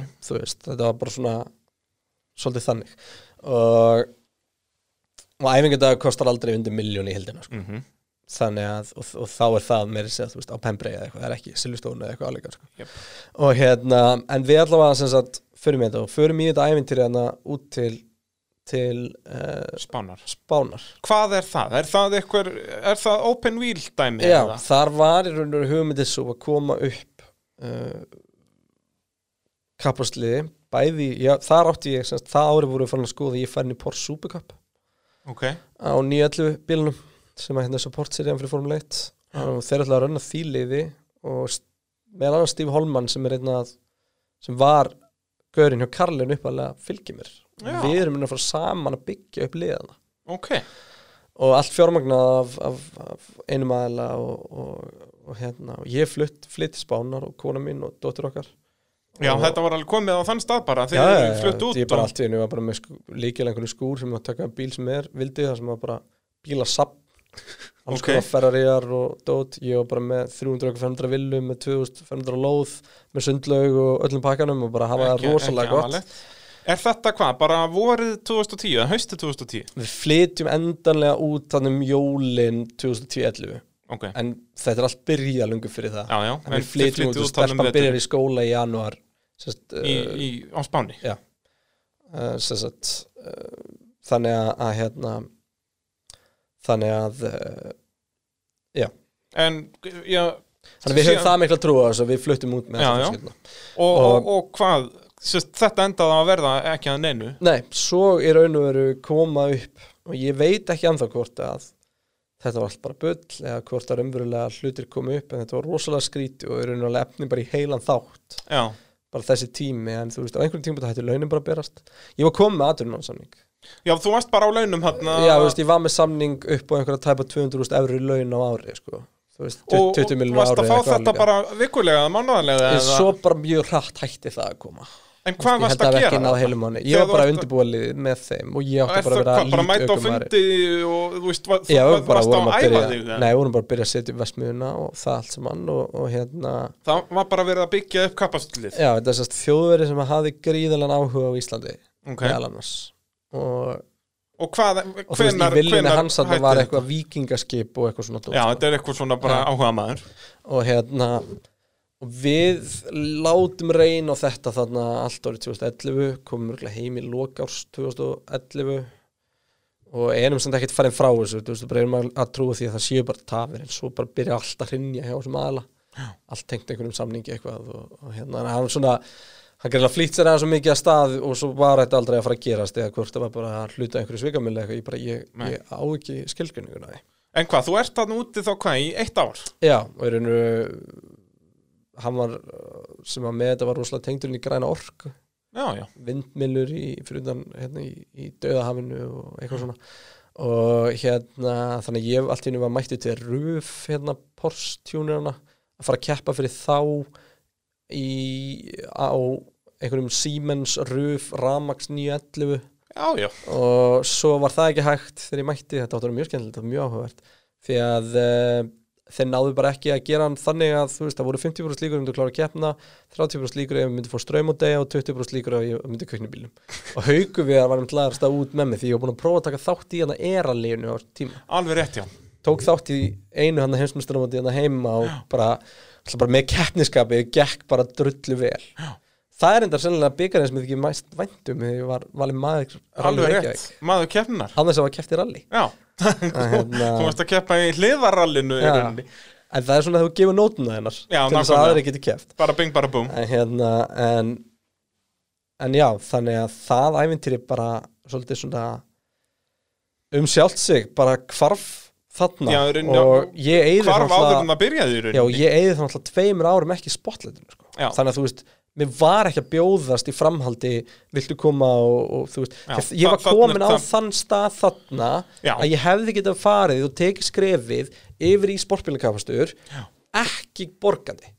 Líklegast ekki á launum en Nei, ekki nei, en borgandi. allavega, já, það, eða þá borgaði eitthvað lítið sem væri þá mögulegt. Og það veist, eftir þetta en 2009 það múf deyr svolítið þarna, í, út af þú Og ert það er, tvö ár bara að drekka sangriður á Spáni. Ég var að horfa á Daytona um helgina til það 24 hours. Það fullt af nöfnum sem ég er búin að vinna þar sko. Þú veist. Og, og það, en það sem að plani var þarna var í raun og veru Formula E, já, það var bara hinn sem var að reyna að gera það. Ok, á sama tíma. Ok. Þannig að hérna koncepti var og hérna það voru fleiri, fleiri aðlar komin inn. Um, við vorum þrýraða ég, Steve Holman og Sergio Rinland ef þú googlar Sergio Rinland þá er hann uh, argin, argentísku verkfræðingur. Já, og hann er frægastur fyrir bara sáber og að hafa Já. smíðað kartbílinn og sérst, kart að sinn sko CRT hérna bílinn. Hann var hérna yfirhönnurinn hjá Brabham í Formule 1 já Þú veist, þetta er bara svona þannig- legend já, og hérna og átti sérst lið sem að hétt Epsilon Esquadi og kom að hönnun hjá rosalega, nefnir átti fyrirtækjafyrkju kom að hönnun hjá rosalega mörgu öðru og með, meðal hans sérst, keft, kefti í Luman það lið og svona á Já. þessum tíma sko. En, en þarna eins og segir, ertu svolítið, já, dottin úr sviðsljósinu og, og þarna er, er ferlinum bara svolítið að ljúka eða ekki, sem, sem ökumæður. basically, Hann endar á, út af spáni að gera ekki neitt, basically. já, pretty much. Og hérna, og svo náttúrulega tekur við bara alls konar skemmtilegheit út og þú varst nú árið alveg nafn í þessum akstusbransa og hefur verið að vinna með, með fyrirtækjum og í, í auglýsingum með sjónvarsláttum og svo náttúrulega varst að lýsa formúlinu í öll þessi ár. Mikið rétt. Þannig að þetta er ekki bara sorgarsaga. Nei, algjörlega og, og þú veist það er ótrúlega skrítið að horfa tilbaka ég meina, við erum svo astnalega hönnuð að sérst, bara sem, sem fólk og sérstaklega sem ungt fólk að á hvern einasta stað sem ég kom þá get ég hort á næsta stað sem ég var ekki komin á og ekki verið sáttum með staðin sem ég var á núna Fattar? maður kann aldrei að meta aðstæðunar sem maður Já. er í sérstaklega keppnisfólk ég, og ég get ekki ímynda mér þegar ég settist bara fyrst upp í kapparspíl í Formule 3 til dæmis og er þá kannski einn af 200 í heiminum sem eru á því level eða ofar? Að, fá það tækifæri. Að fá það tækifæri og bara fá að upplifa það. Af þeim, hvað ætla þessi þú veist, tveir miljardar stráka og stelpa sem langar til að vera á skilur og frá Íslandi og það bara gerist ekki. Já. ég meina þessi 30 miljón krónar sponsorsamningar gerast ekki á Íslandi. Nei, nei, og, og þú veist og uh, bara mjög gaman til mis núna að bara frá að byrja að, að nefna þetta við mig og ætlum að fara að gera þetta að fara að rifja upp þessa hluti því að það er svona fljótt að gleymast sko. Já, og það er einmitt málið að, að út að þú kunnir ekki að meta þetta jafn hátt og þetta virkilega var á þessum tíma út að þú ert keppnismæður út að ég þú varst ef ég alltaf að hefði horfa metið þetta þannig þá hefði ég bara týndi í skíjónum geta sko. kert lagnabílun á bakvið Ég sko. segi það að maður er alltaf að horfa ok, nú er ég komin í formúlu 3 og þá þarf ég bara að gera þetta og þetta, þetta þá fyrir ég GP2 og þetta, þetta, í staðinn fyrir að vera bara, heyrðu ég er á spa, algjörlega. Þú veist. Og þú veist, það er ótrúlega margt sem ég vilja gera öðruvísi. Það er ótrúlega margt sem ég hef viljað fá að upplifa og, og, og, og gera og breyta og þannig, en í enda dagsins það er ég bara lópaslega þakklátti fyrir hann tíma. Og, og allt sem hann er raun og veru, þú veist og ég skil ekki enn þann dag í dag þú veist allt þetta fólk sem ég að nefna hérna og náttúrulega þú veist amma afi og, og þannig þú veist hæst og svo mamma og, pappi og, og þú veist Robert og síðan allir þessi minni sem ég nefndi og bara hvernig allir koma á. Og ég man sko, ég áttaði ekki á því það var nefnilega svolítið skrítið og meðan var að keppa þá upplifði ég úr alveg ótrúlega mörgum áttum á Íslandi neikvæðni. Já, um, sem ég veit ekki hvort ég hef bara svona leiðilega á þessum tíma Nei, þú veist, ég held að það sé bara stór partur af því eru þessi peningar Já, hvort það var eitthvað svona afbreyðisemi af alveg hverju hann- 100% afbreyði sem þú veist, 100% en svo lindust margir hávarir og ég áttaði mikið á því fyrir en eftir á sérst hávart jákvæðir og miklu Já. fleiri heldur en hitt Já. en maður er bara svo fljótur að taka því inn á sig Já, já, maður, þú veist, ég þekki þetta bara mjög vel við að vera að fjalla um motorsport og ég, ég man bara sko hérna að bara, þú veist, ég fór að skoða hérna ég fór eitt sem hann, það er eitthvað nokkur ár síðan ég fór að skoða fréttir út og þú veist, það voru svona bloggum allar þessar fréttir, þú veist, og það, og það var bara, þú veist öll nöfnin og rallinu sem ég leit upp til að bara, þú veist ég man í las eitthvað neina greini, það er eitthvað að rukka dannum ætlaði að lána mér rallybíli sinni, ég vildi gera eitthvað. Akkurat. Ég fara að rukka um það. Já, hann á Nei. líka betri rallybíl í það Þannig að þetta er stórkvæða Nei, business þú veist, það var allt eitthvað svona Já, já. Veist, og þannig að veist, þetta var ekki veist, það var svo ótrúlega mikið af fólki sem var svo ótrúlega frábært og jákvætt og er bara út um allt sem einhvern veginn stóði baki á manni, beintið það óbeint. Og þessi stuðningur og bara þú veist, að Valli og Guðni hafi farið og búið til eitthvað sjómastátt að nokkuð verið að borga þeim fyrir það og þú veist, og sponsorarnir með yngar tilætlanir um neitt, bara að vera með. Já, já, og fjölmiðlar, og veist, við gerum það reynda rosalega þú veist, við skrifum alla greina, við sköffum alltaf nýtt já. myndefni, við gerðum allt veist, pappi var náttúrulega ljósmyndari og fylgdi mér út um allan heima að mynda og fjölmiðlar voru alltaf með nýjasta efnið og fréttamiðlar fengu bara tilbúna fréttir og, og veist, við þurftum að gera allt svona, Já, veist, það er nefnilega það er eiginlega margir og þetta er kannski bara svona pínu til að nefna við þá sem eru að koma sér áfram og, og einmitt tala um þetta skilur þú veist að þetta er ekki, ekki fjalla um þetta. Það, það virkar ekki þannig. Þú þarft Þú að setja- að þú þekkir þetta, þú veist, já, mótsportfréttinar á rúf þú ert búin að búa það til frá A til Ö, það þarf bara einhver að lesa þér já, já. og hérna og, og þar leðandi og það er líka, það er þessna sem ég segi sko, þú veist, what goes around comes around. Og til dæmis bara eins og þegar við byrjum eða þú kemur fyrst að tala um og byrjum að hérna, enska torfaruna þú veist, ég ég hafði farið á svona þrjár torfærikefnir aðeimri ég mér finnst það geggja sportsamt, ekki miskilum mig. Já, já, þetta var bara ekki inn í mínum hring, ég var rallinu og rallycrossinu og go-kartinu og einhverju svona dóti. En þú veist, bara heiklust því að við getum einhvern veginn hjálpast að sem samfélag við að láta svona draum verða aftur. Jep. og ég hef nokkru svona fengið símtöl eða, eða Facebook message eða eitthvað sem að fólk er að beða með með einhvers konar aðstóð og þú veist, ég hef alltaf orðið við því því að mér langar svo til þess að einhver geti lært af minnstökunum mínum en er á sama stað akkurat. Að nýta þessa reynslu í eitthvað jákvæmt já, það er fullt, ég meina, ég, ég maður það á sín tíma þegar að keppa þá var ég með go-kart skóla á sumrin. Já.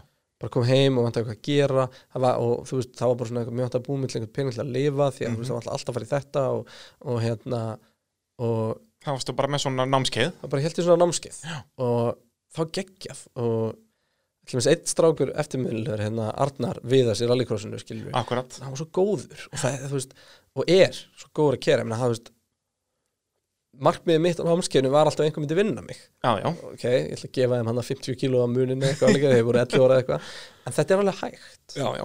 Og þetta þarf svolítið bara áhuga og aðtekli og alúð og sem er til dæmis ástæðan fyrir því ég er búin að taka svolítið rafíþróttunar áspóstri þar sem að það er svona hérna, verið að brjóta sig út úr einhverju skil og einhverju normi og syndamöndi strömmnum og, og ég, svona, ég áttaði mig líka á því fyrir við fórum að tala um þetta núna hvað ég þurfti að brjóta niður marga veggi á leiðinni. Já, já, þú veist, bara frá því að komast í fyrstu keppni sem ég svo sem frontaði ekkert í að brjóta nei, nei, þú veist, en það þurfti að gera. Akkurat. Og hvaða var, þú veist, margt og hvernig mótorsporti er einu var bara og hefur þróast og það er náttúrulega móðir allar íþrótta sko. Heldur betur. Það er búið að vera dásamlegt að fá þig í spjall, Kristján minn. Búið að vera langur og góður þáttur uh, skiljanlega, magnaður ferill og, og hérna bara frábært að geta geta áttan á, ekki á svart á hvítu heldur bara hljóðformi. Hann var endur ekki í svartkvöldu var að keppa og kom Já, sjónvarp og ég meina þetta er nú komin 12 ár síðan sko. Ha, heldur betur Þúsund þakkir Kristján Minn. Og, og takk fyrir að hlusta elskulega fólk, þetta var að sjálfsögðu bóði yðinvila AB varahluta, bíla.sins tækjaflutninga Norðurlands og bíljöfurs Þangar til næst, bless bless